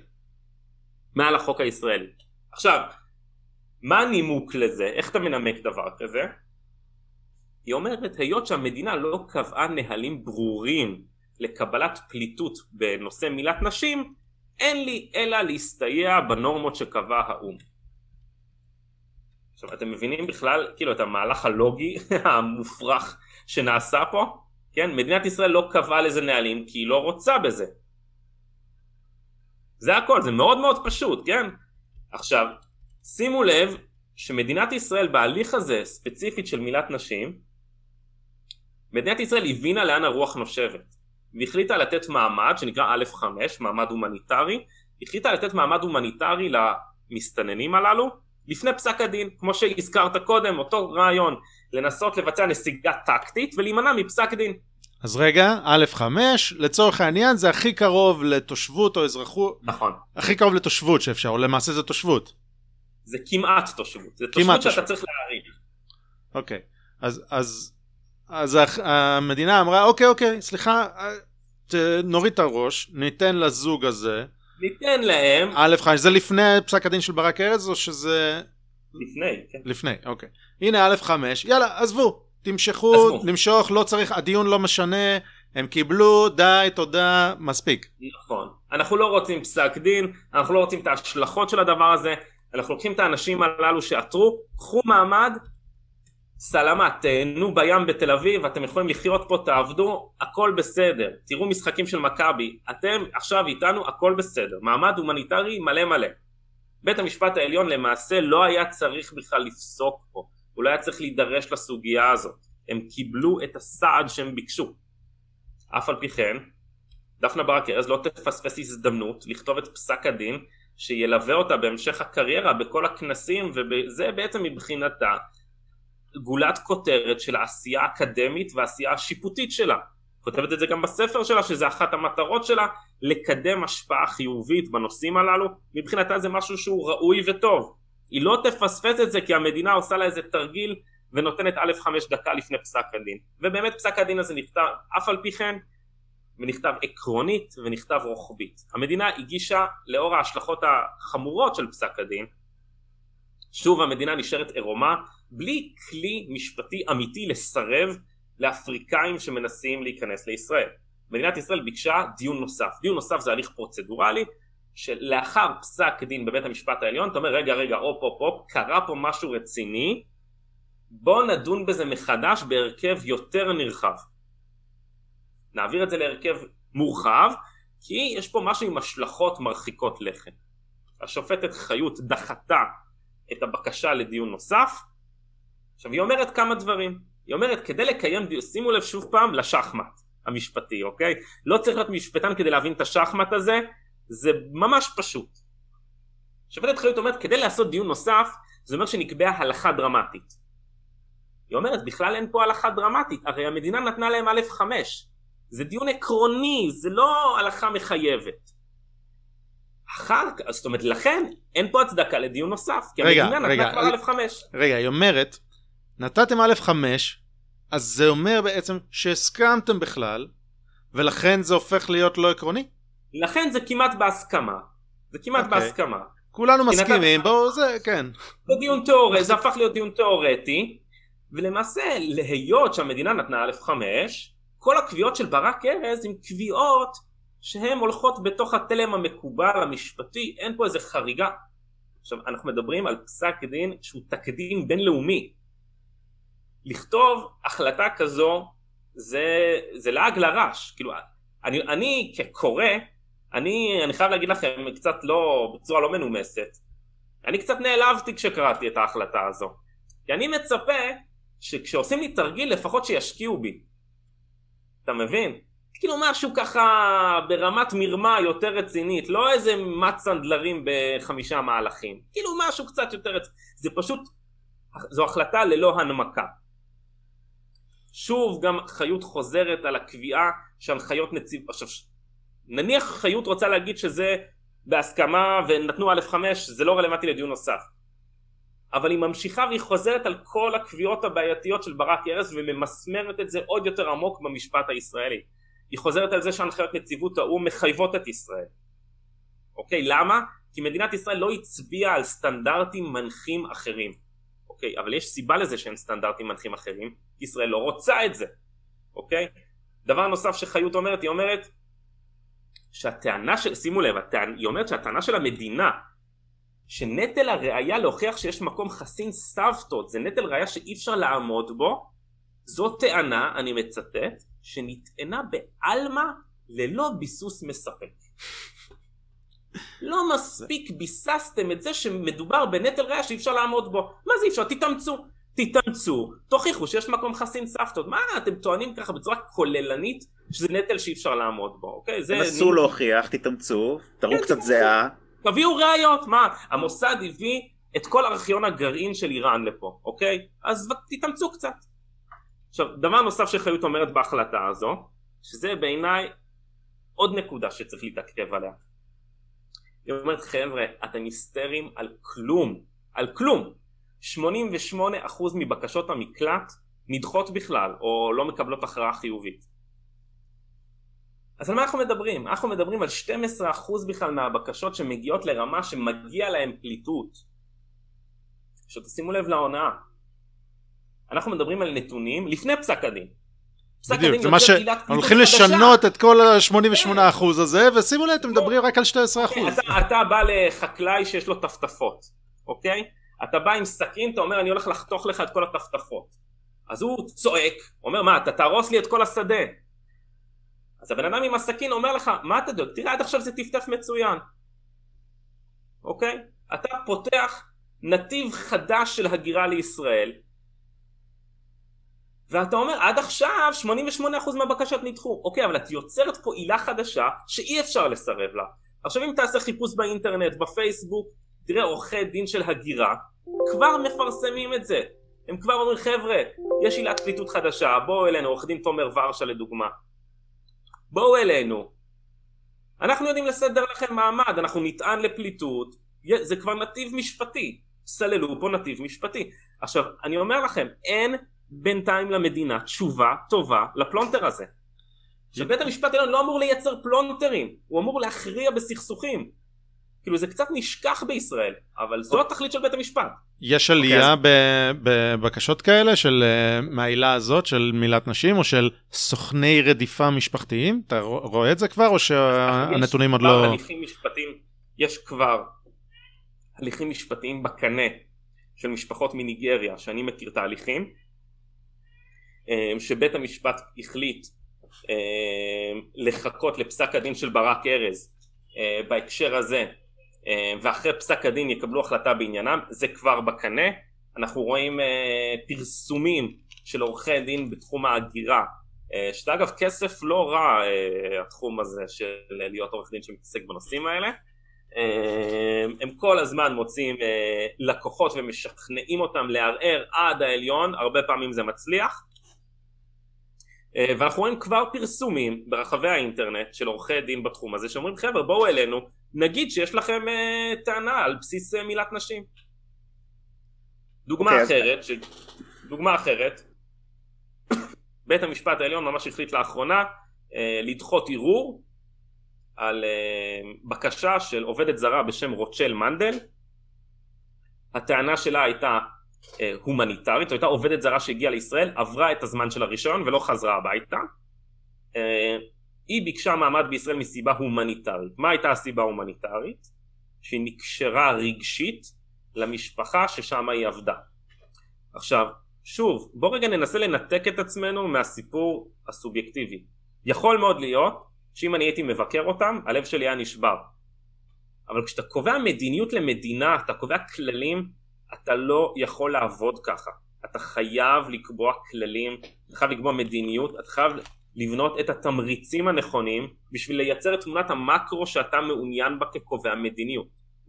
בית המשפט המחוזי קיבל את הבקשת פליטות שלה, אה, לא פליטות, בקשה למעמד הומניטרי, סליחה, ואמר, היות שהיא נקשרה רגשית למשפחה, צריך לתת לה מעמד, והוא ביטל את החלטת שר הפנים שדחה את הבקשה שלה, נכנס בנעליו של שר הפנים, שלח יד לתוך החולצה של דרעי ודיבר ממנו כמו בובת גרב, ואמר, אני בשם שר הפנים נותן מעמד הומניטרי לעובדת הזרה הזו.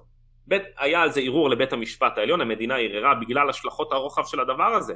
כל עובד זר יכול לבוא ולטעון שהוא נקשר רגשית למשפחה, שהוא עבד שם. זה גם הרבה פעמים נכון אובייקטיבית, כן? בוודאי שהם נקשרים. הם עובדים שם שנים ארוכות, סועדים אנשים קשישים, אנשים חולים. כולנו בני אדם, ברור שיש פה היקשרות רגשית.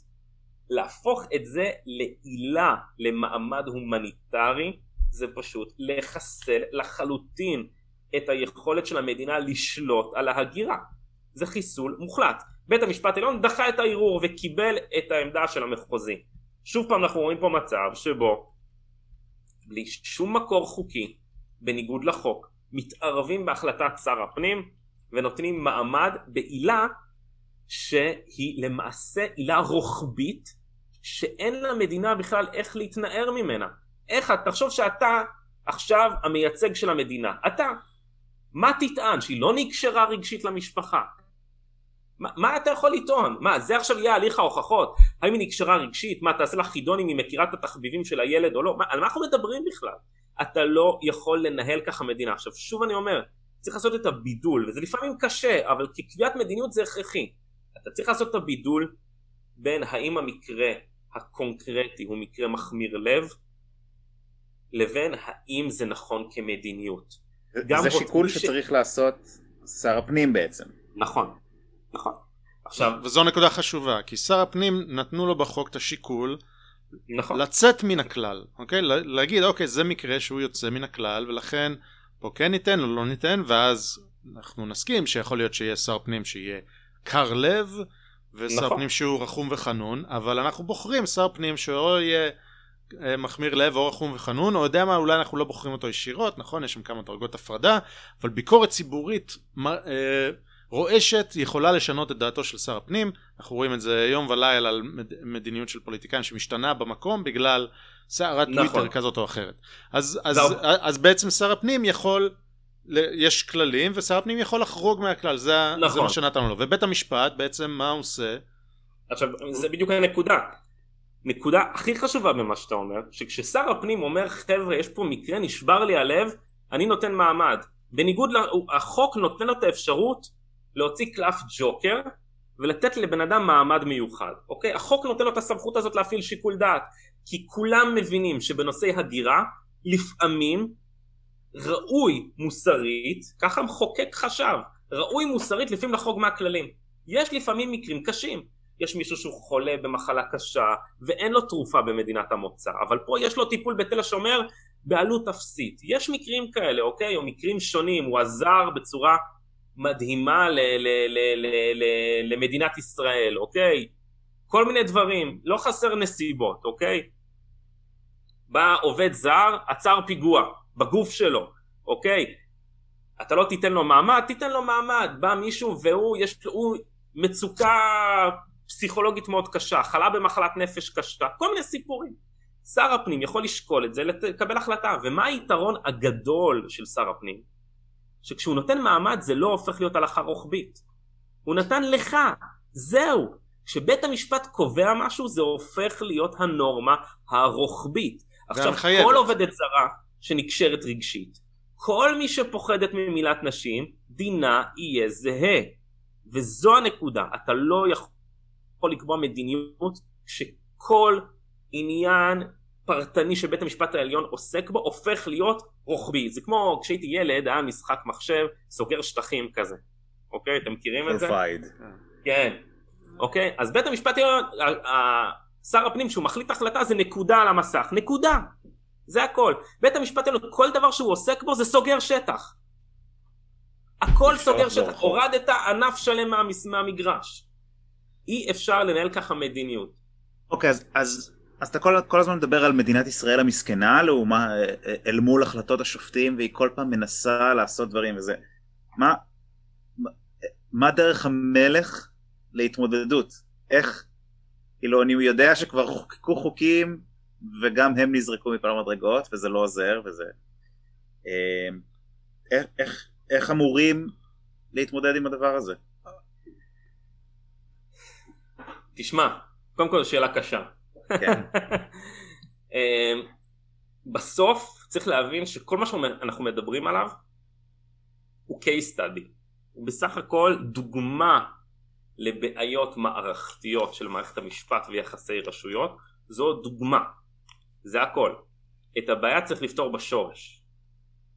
פתרון השורש הוא צריך להיות מורכב מכמה דברים, לא מדבר אחד. דבר ראשון, הכרחי, זה שינוי שיטת בחירת השופטים במדינת ישראל.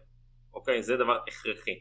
אין אף מדינה במערב עם מערכת משפטית אה, חוקתית, כלומר שיש ערכאה חוקתית שיכולה להתערב בחקיקה, אין אף מדינה כזו שבה השופטים ממנים את עצמם. אין לזה זכר בדמוקרטיות. אין לזה זכר. עכשיו, נעשה על זה מחקר מאוד מאוד חשוב בפורום קהלת, המחקר הראשון למעשה שהשווה את שיטת בחירת השופטים במערב אה, בצורה שיטתית, כל מדינות ה-OECD, כל מדינות ארצות הברית, עבודה מאוד מאוד יסודית של אה, דוקטור אביעד בקשי ועורך דין שמעון נטף ושי ניצן, לא שי ניצן הפרקליט מדינה. עשינו שרשור בנושא של בחירת השופטים ונתנו רפרנס למאמר הזה, אז אנחנו נצרף פה את אוקיי. השרשור הזה גם בהערות כן. כאן. אז זה מחקר מאוד מאוד חשוב שנעשה אצלנו בפורום קהלת. חובה לשנות את שיטת בחירת השופטים. ההומוגניות אה, שמאפיינת את הבחירה של השופטים היא מזיקה מאוד, בעייתית מאוד, אה, והיא לא מייצגת בעצם את הלך הרוח של הדמוס, של הציבור הריבוני שיוצר קואליציות פוליטיות. אה, זה משפיע בצורה דרמטית. עניין נוסף שחייבים לשנות אותו זה זכות העמידה. כן? לא יכול להיות שכל אדם יכול לעתור לבג"ץ כי משהו לא נראה לו בהחלטות הממשלה. בשביל לשנות את החלטות הממשלה יש מנגנון דמוקרטי. לך תפגין מול בלפור, לך תבנה מפלגה, תבנה מצע, תרוץ בבחירות, תדפוק על הדלתות של הלשכות של חברי הכנסת, תשכנע אותם, תעשה שביתת רעב, תפתח ערוץ רדיו, תעבוד בכלים שהמנגנון הדמוקרטי יוצר כדי לתעל אינטרסים ציבוריים ולהכריע את המשקל שלהם זה מול זה. זה א' ב' של אזרחות, כאילו אני מרגיש שאני הרבה פעמים נאלץ להסביר לאנשים דברים שאני, אני, באמת אני אומר בצורה כנה, אני תוהה איפה בתרבות שלנו זה הלך לאיבוד, התרבות הדמוקרטית הבסיסית הזאת, איפה איפשהו זה הלך לאיבוד. תקשיב, אני אה. בשנות התשעים בתיכון, בשיעור אזרחות, סיפרו לי על המהפכה החוקתית שהייתה מאוד טריה, אוקיי? היא רק כן. קרתה, ואמרו המהפכה החוקתית, וזה היה בלי הצגת שני הצדדים. כלומר, הנה סוף סוף חוק אה, יסוד כבוד האדם וחירותו, והנה המהפכה החוקתית, והנה יש חוקה, ו- ויופי. אז, אז, אז אני אומר לך ש... אני, אני לא יודע שזה כל הסיפור, אבל אני חד משמעית יודע להגיד לך שהצד שאתה מדבר עליו עכשיו לי בילדותי השמחה בתל אביב לא הוצג. כן, אה, נכון, אה, נכון, לימודי האזרחות בישראל אה, הם לוקים בחסר בצורה מאוד מאוד קשה. ואתה ממש, אני יוצא לי לדבר לא מעט עם, גם עם פרופסורים למשפטים, אנשים שמאוד פעילים בתחום של משפט חוקתי עדיין מפתיע אותי אחרי כל כך הרבה שיחות בנושא הזה, עדיין מפתיע אותי לדבר עם פרופסור למשפט, למשפט חוקתי נניח לצורך העניין, אה, שמבחינתו זה לא רלוונטי מי מקבל את ההחלטה כל עוד ההחלטה טובה בעיניו. כלומר אם מבחינתי בית המשפט העליון עשה החלטה שאני מסכים איתה אידיאולוגית מה אכפת לי אם יש לו אם הוא מוסמך או לא זה הדבר הראוי אנשים פשוט לא יודעים לעשות את ההבחנה הזו. קודם כל דברים בסיסיים מאוד אוקיי? זה, זה חוסר יושרה, אינטלקטואלית זה מה שזה. ש, פשוט ש, שאתה מסכים עם משהו אז הסטנדרטים משתנים. זה מדהים. זה מדהים לא, לראות באמת. זה נפוץ מאוד אבל זה, פשוט, זה מדהים. נכון. אמ, עכשיו צריך להבין דבר נוסף פה בהקשר הזה כדי לתת איזושהי מסגרת כללית. בית המשפט העליון אמור לדון בנושאים מנהליים בחוקיות ההליך המנהלי האם ההליך המנהלי נעשה על פי חוק? נניח אני רוצה לשלול את האזרחות שלך כי אתה מחבל. אני רוצה לקחת לך את הרישיון נהיגה. אני רוצה לתת לך רישיון נשק. אני עושה אקטים מנהליים אקטים של המדינה. אמ, בית המשפט אמור לעסוק בשאלה האם זה נעשה על פי הפרוצדורה, על פי החוק, או שעשו לך קיצור דרך, או שהזיקו לך בניגוד לחוק, כן? מישהו בא, לוקח לך, נגיד, אתה, נגיד אתה מאבטח לפרנסתך. אתה מתבטא בצורה לא יפה באינטרנט אה, נגד ראש הממשלה, הוא שולח שר לביטחון פנים, שוללים לך את הרישיון נשק כדי שלא תוכל להתפרנס. אתה מורה, נגיד ישראל אלדד, אה, נגיד לצורך העניין, אתה מורה, שוללים לך את הפרנסה כי לא אוהבים את העמדות, את העמדות הפוליטיות שלך. קרה, רק לפעול... למי שלא מכיר, ישראל אלדד, אביו של אריה אלדד, היה מורה, ובן גוריון... אה, נכון. לא, לא יודע באיזה פרוצדורה הוא עושה את זה, אבל דה פקטו בן גוריון שלל את uh, תעודת ההוראה שלו, מה שזה לא יהיה, כן. ו... אוקיי. כן, הוא סילק אותו מהעבודה. עכשיו, צריך לבח... בית המשפט צריך לבחון את חוקיות ההליך וזה חשוב מאוד שאנשים עם יד על הכפתור האדום של הכוח של הרשות המבצעת לא יעשו מה שהם רוצים. אנחנו כאזרחים רוצים שיהיה בית משפט חזק שידע לבחון חוקיות הליך מנהלי, אוקיי? אבל זה דבר אחד נפרד. בואו נשים את זה יפה בצלופן, נשים את זה רגע בצד במגירה.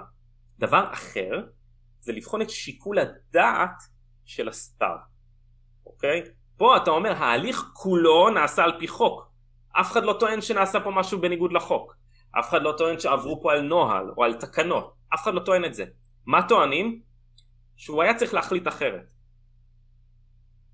זו הטענה המשפטית פה, במרכאות המשפטית. אגב, זה, זה, שתי, דרגות, זה שתי דרגות של היה צריך להחליט אחרת. למה? כי אה, אני חושב שזה היה בדרעי פנחסי, אבל תקן אותי אם אני טועה. מדברים לא רק על השיקולים של השר והאם הוא לקח את, את כל הדברים הרלוונטיים ושקל אותם, אוקיי? שזה רמה אחת. יכול להיות שבית המשפט יגיד, היי, hey, שר, שכחת להחשיב את ההשפעה הכלכלית של העניין, כן? נגיד, זה לבל ראשון שהוא שערורייתי בפני עצמו, אבל נגיד.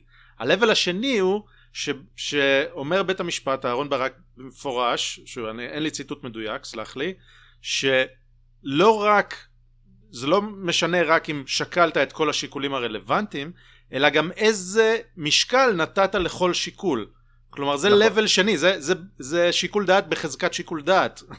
זה, נכון. אה, גם אם הסתכלת על כל ההיבטים, לא נתת את המשקל כמו שאני חושב, ולכן אה, לא החלטת נכון. עכשיו בוא רגע, אה, באמת אה, אתה, אתה מנסח את זה מאוד נכון, אתה משקף נכון את הטרמינולוגיה האהרון ברקית.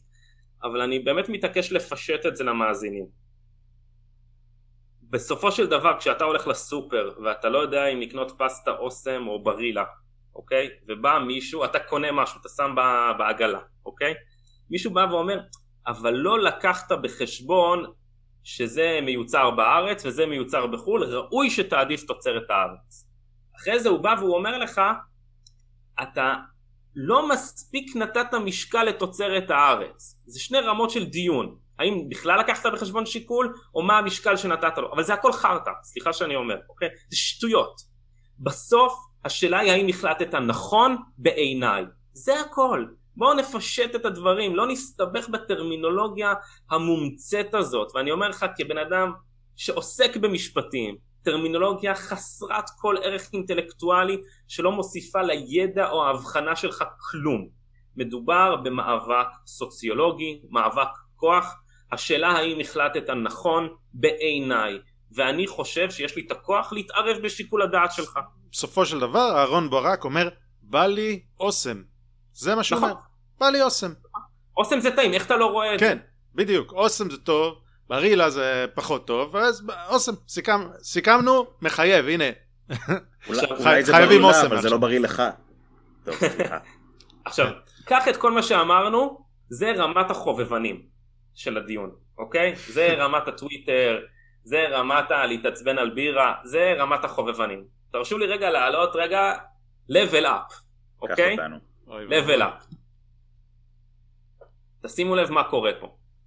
אם אתה בוחן את ההחלטות של שר הפנים, נניח בתחום ההגירה, אתה בוחן את חוקיות ההליך המינהלי, יש לך בעיה כשופט.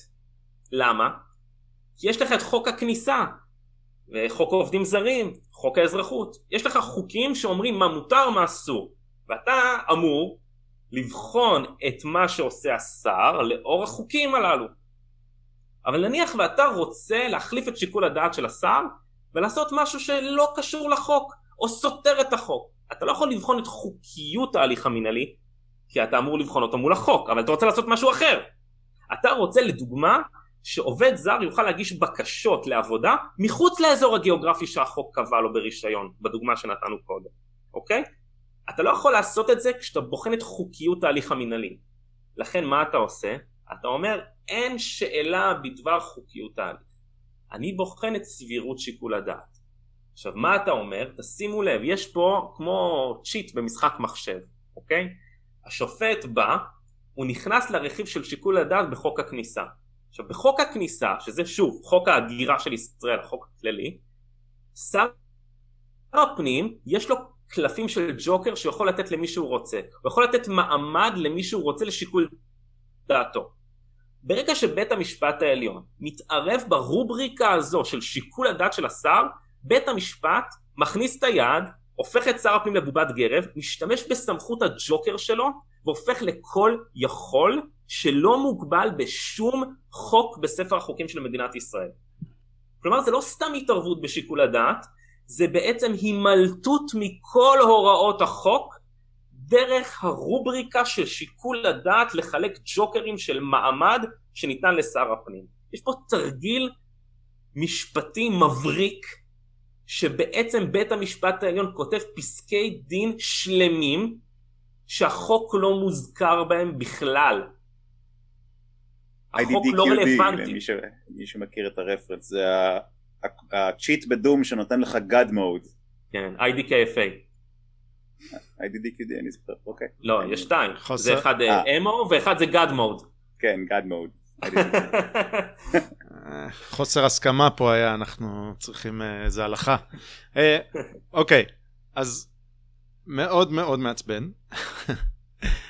אני רוצה, אם יש לך סבלנות, בוא, יש עוד איזה סיפור שהתלבטנו אם נדבר עליו או לא, וזה ברמת הסיפור, ואנחנו אולי לא שוחים, אבל, אבל זה, זה סיפור שחשוב לתת איזשהו קונטקסט, ואני מדבר על, על uh, פסק דין שהיה לפני, לא יודע, 6-7 שנים, אולי אני טועה uh, בנושא חוק איחוד משפחות, כן.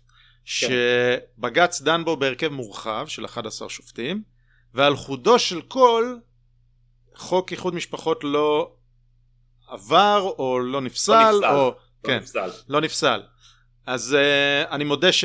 שלא כל כך התכוננתי לדבר על זה אז אני לא שוחה בפרטים אבל אני בטוח שאתה שוחה בפרטים. בשביל זה הבאנו אותך לפה. uh, אגב ניתן פה את ההערה שנתנו בהתחלה. אתה לא שוחה בפרטים עד הסוף יש פה דברים שהם בד... בר... בדרג שמועה או דרג uh, סיפור אבל בוא אני, אני שוחה בפרטים העובדתיים. אוקיי, אני לא יודע בוא... לאמת כל שמועה אבל אוקיי. בוא נעשה סדר. אח... מאז הסכם אוסלו למעשה אה, נוצר גל מאוד גדול של איחוד במשפחות בין ערביי ישראל לערביי השטחים. כאשר מתחתנים ומביאים את בנות הזוג בדרך כלל זה בנות זוג לפעמים בני זוג מביאים אותם לתוך שטח ישראל ומאזרחים אותם. נותנים להם מעמד או תושבות לכל הפחות הליך מדורג של קבלת תושבות.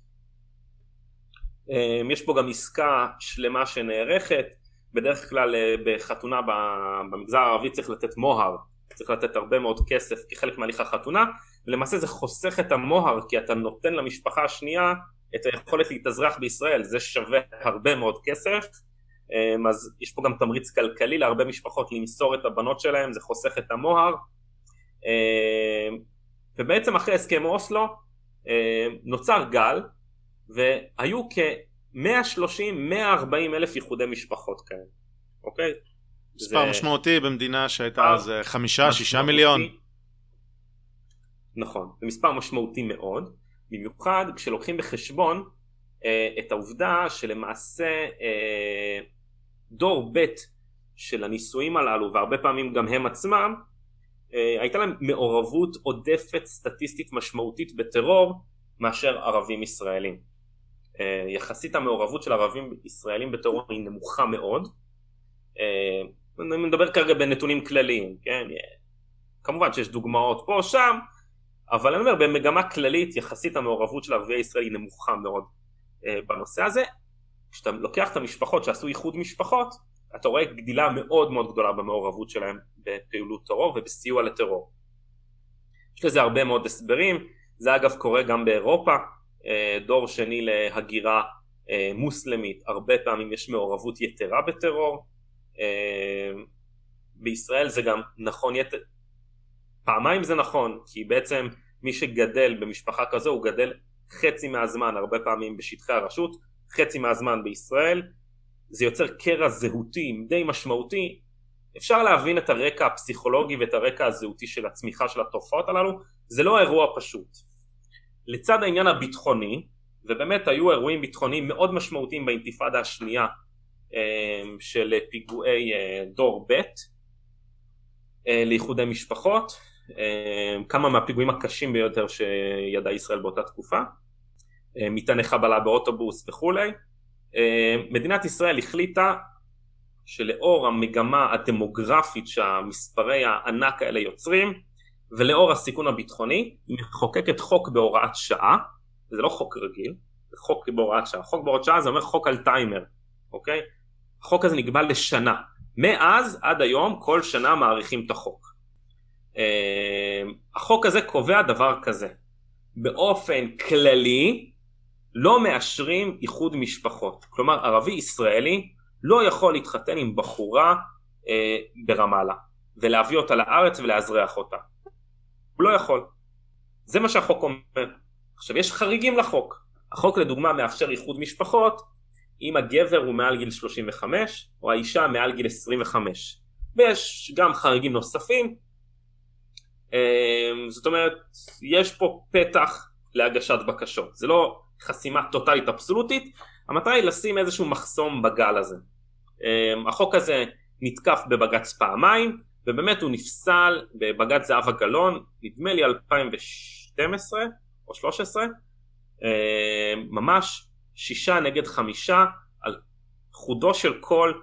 אמ, אנשים מספרים שמועות שהייתה שם דרמה מאוד מאוד גדולה בין השופטים, אני לא יודע את זה באופן אישי עובדתית אז אני נזהר קצת מהנושא הזה, אני לא אוהב לדבר על דברים שאני לא יודע אותם עובדתית, אני נזהר משמועות, אבל uh, הייתה שם לפי מה שאומרים דרמה מאוד מאוד גדולה בין השופטים uh, בתוך בית המשפט העליון סביב הנושא הזה, אהרון ברק הצהיר בעצמו שהוא היה מאוד מאוד מאוכזב אה, שהוא היה נשאר בדעת מיעוט והשישה ניצחו את החמישה והחוק הזה נשאר בתוקף, אהרון ברק היה מאוד מאוד מאוכזב מזה.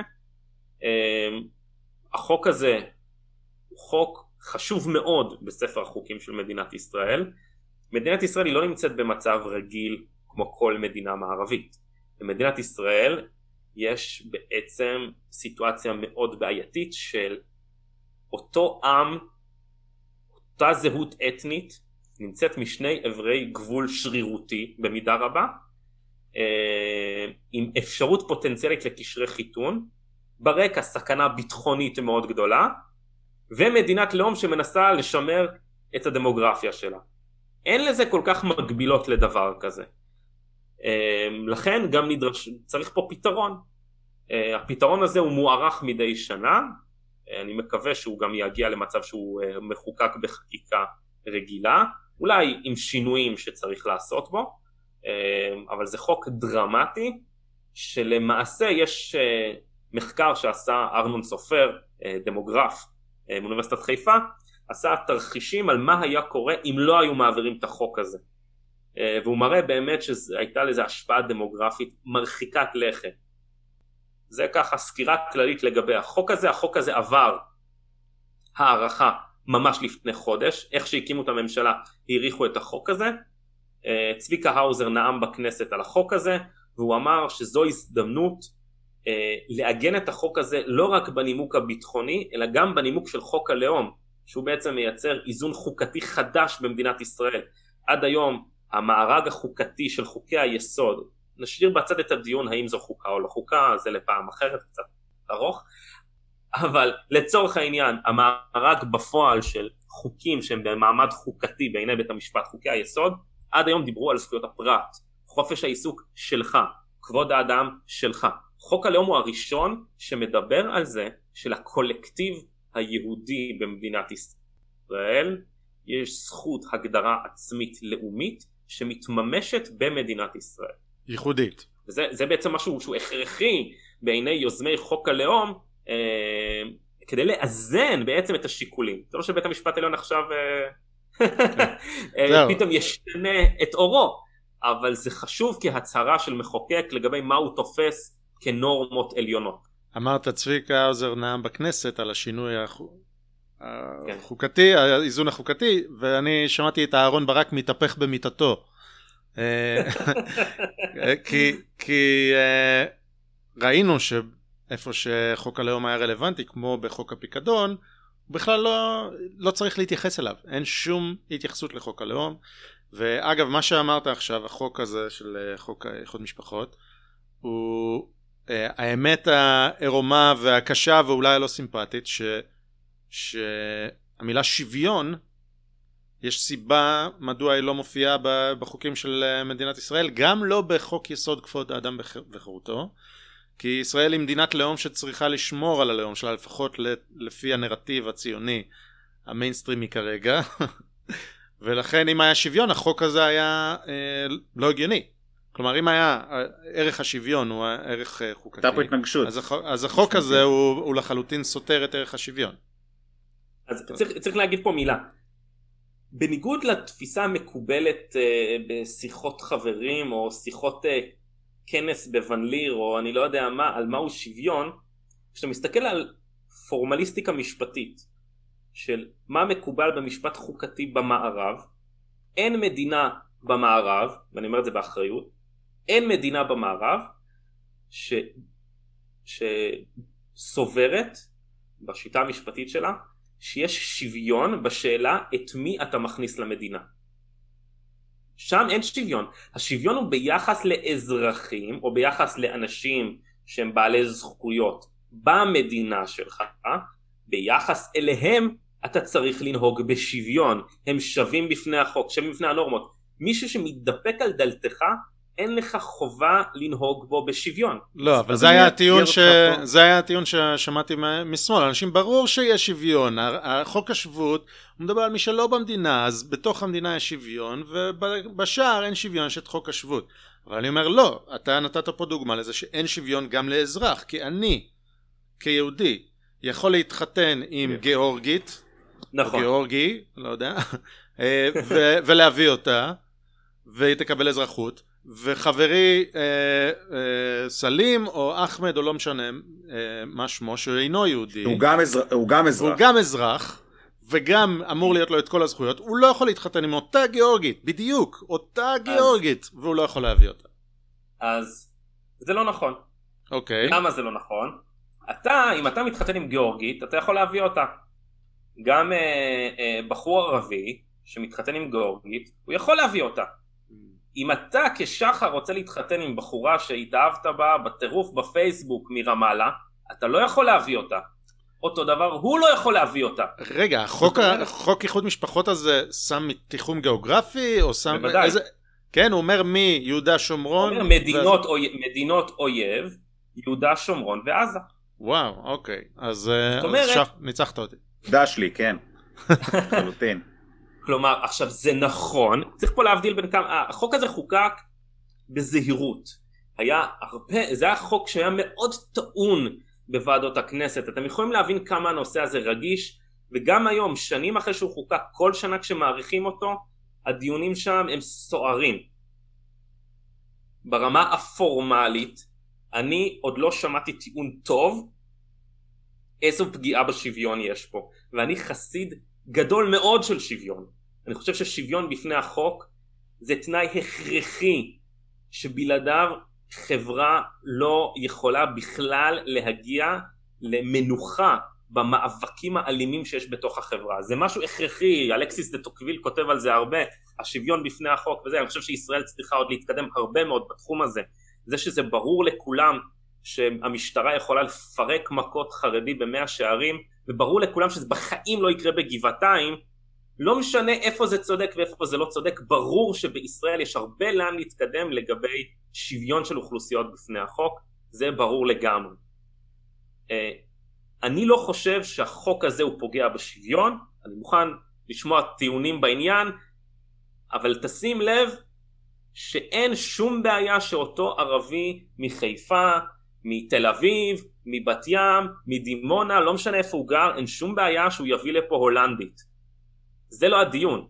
הדיון הוא להתחתן עם אנשים מהשטחים או ממדינות אויב. Okay. זה הכל. Okay. וזה נכון גם לגבי יהודים שעושים את זה. נכון, נכון. אתה גם לא יכול אה, להתאהב אה, אה, במישהי מהסדרה טהרן ולייבא אותה ארצה. זה פשוט לא יכול לקרות לפי החוק בישראל.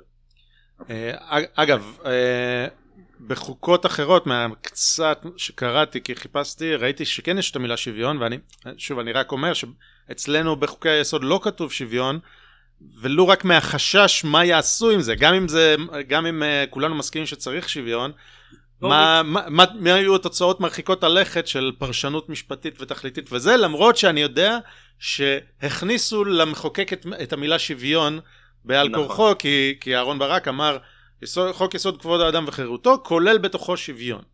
אה, אבל המחוקק שלנו עובדתית נרתע מלא להכניס את המילה שוויון לחוקיו. נכון, אה, נכון. אוקיי. יש לזה סיבות היסטוריות, ממש מקום המדינה חרדים מאוד מאוד פחדו אה, שהנושא הזה יפגע להם בהרבה מאוד אורחות חיים, גברים, נשים, בתי דין רבניים, יש על זה, ישראל היא מדינה טעונה מאוד מבחינת מתחים בין קבוצות אוכלוסייה שונות לכן היא מדינה שמורכב מאוד לייצר בה חוקה שהיא נורמה עליונה. זה מאוד מאוד מורכב, אה, וזה לא סתם שהמחוקק מעולם לא רצה חוקה. מעולם לא הגיע למסקנה שהנה יש לנו מסמך חוקתי. זה לא סתם. אה, ולכפות חוקה, לכפות נורמה עליונה, מה שקרה בישראל, זה פשוט מקצין את המתחים החברתיים, וכשאין לך מנגנונים מוסכמים ליישוב מחלוקות, מנגנונים מוסכמים לחקיקה, מנגנונים מוסכמים לעיצוב מדיניות, אז פשוט המלחמה החברתית לא נגמרת, כן? יש לך בחירות לכנסת וזה לא סוף הפסוק, יש לך החלטת שר, זה לא סוף הפסוק, שום דבר הוא לא סוף הפסוק והמתחים האלה רק מקצינים. המשבר החוקתי של מדינת ישראל מוביל למשבר חברתי למשבר פוליטי, למשבר במדיניות. אמ, באמת מדובר במשהו מאוד מאוד מרחיק לכת. אוקיי, okay. ובנימה אופטימית זו, אנחנו אה, אה, נסיים כאן, ומחשבות לאיך אה, משנים את המצב אה, לעתיד, אבל אנחנו תמיד עוזבים עם אה, המלצת תרבות.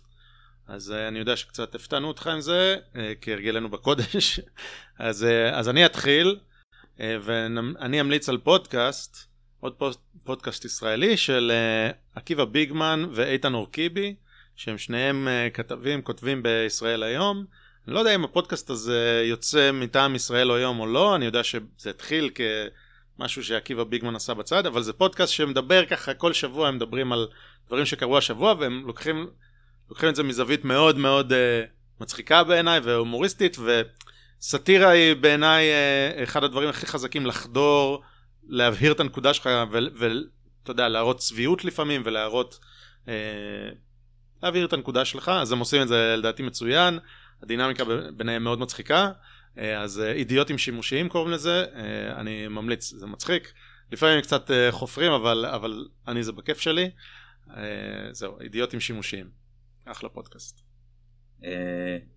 אני אמליץ על אודיובוק שהתחלתי לשמוע עכשיו, עוד לא סיימתי, אבל אודיובוק חדש, זה ספר חדש של ניל גיימן, שהוא, שהוא סופר מוכר, אז עכשיו יצא לו אודיובוק של The Sandman, איש החול, והסיבה שאני ממליץ על זה כל כך בנמהרות, עוד לפני שסיימתי אותו אפילו, זה כי זה full cast, זה בעצם production מלא עם, עם מוזיקה, שחקנים שונים עושים קולות של דמויות שונות, זה פשוט כיף. זה לא הספר הראשון שאני שומע בצורה הזו, יש לו גם, יש לו גם ספציפית לא עוד אחד, American Gods הוא גם ככה, וזה ממש כיף, אז זה, זה גם יצא לדעתי החודש, אז The Sandman מומלץ. Okay. כן. אני רק אגיד שאם קוראים ניל גיימן חבל לפספס את האיורים והציורים והגרפיקה, שווה להציץ, גם אם שומעים אודיובוק שווה להציץ, זה אומנות. כן. אני אמליץ על סדרה שנקראת The Leftovers, הנותרים. אני חושב שהיא קצת אני חושב שהיא קצת מפוספסת. בעיניי הסדרה הכי טובה שאני ראיתי בשנים האחרונות by far. סדרה פסיכדלית לחלוטין, מופרכת, אתה בכלל, אתה לא מבין אם אתה בחלום או במציאות, ורק אחרי זמן שאתה רואה את הסדרה אתה בעצם מבין שהמציאות לא שונה בהרבה מהחלום המופרך הזה, פשוט בדימויים שונים. אני התאהבתי בסדרה הזאת. אוקיי, זה לב טוב. סדרה טובה. יפה. אוקיי, אז פה אנחנו נודה לך שהגעת והשקעת כל כך הרבה מהזמן שלך. ל... מהידע. מהידע, כן, להסביר לנו את כל הדברים שאנחנו מגרדים את פני השטח. יש פה הרבה מה לעשות ואנחנו צריכים להמשיך לדבר על זה כדי ש... אמרנו את זה כמה פעמים, הפוליטיקה היא במורד הזרם מהתרבות ואם uh, בתרבות אנשים יתחילו להבין מה קורה וידרשו משהו שונה אז גם הפוליטיקאים שלנו יש, יעשו משהו בנידון וישנו את זה אז לכן זה חשוב ולכן תודה על מה שאתה עושה ותודה שוב על שהצטרפת אלינו. היה נהדר. תודה. תודה. ביי ביי.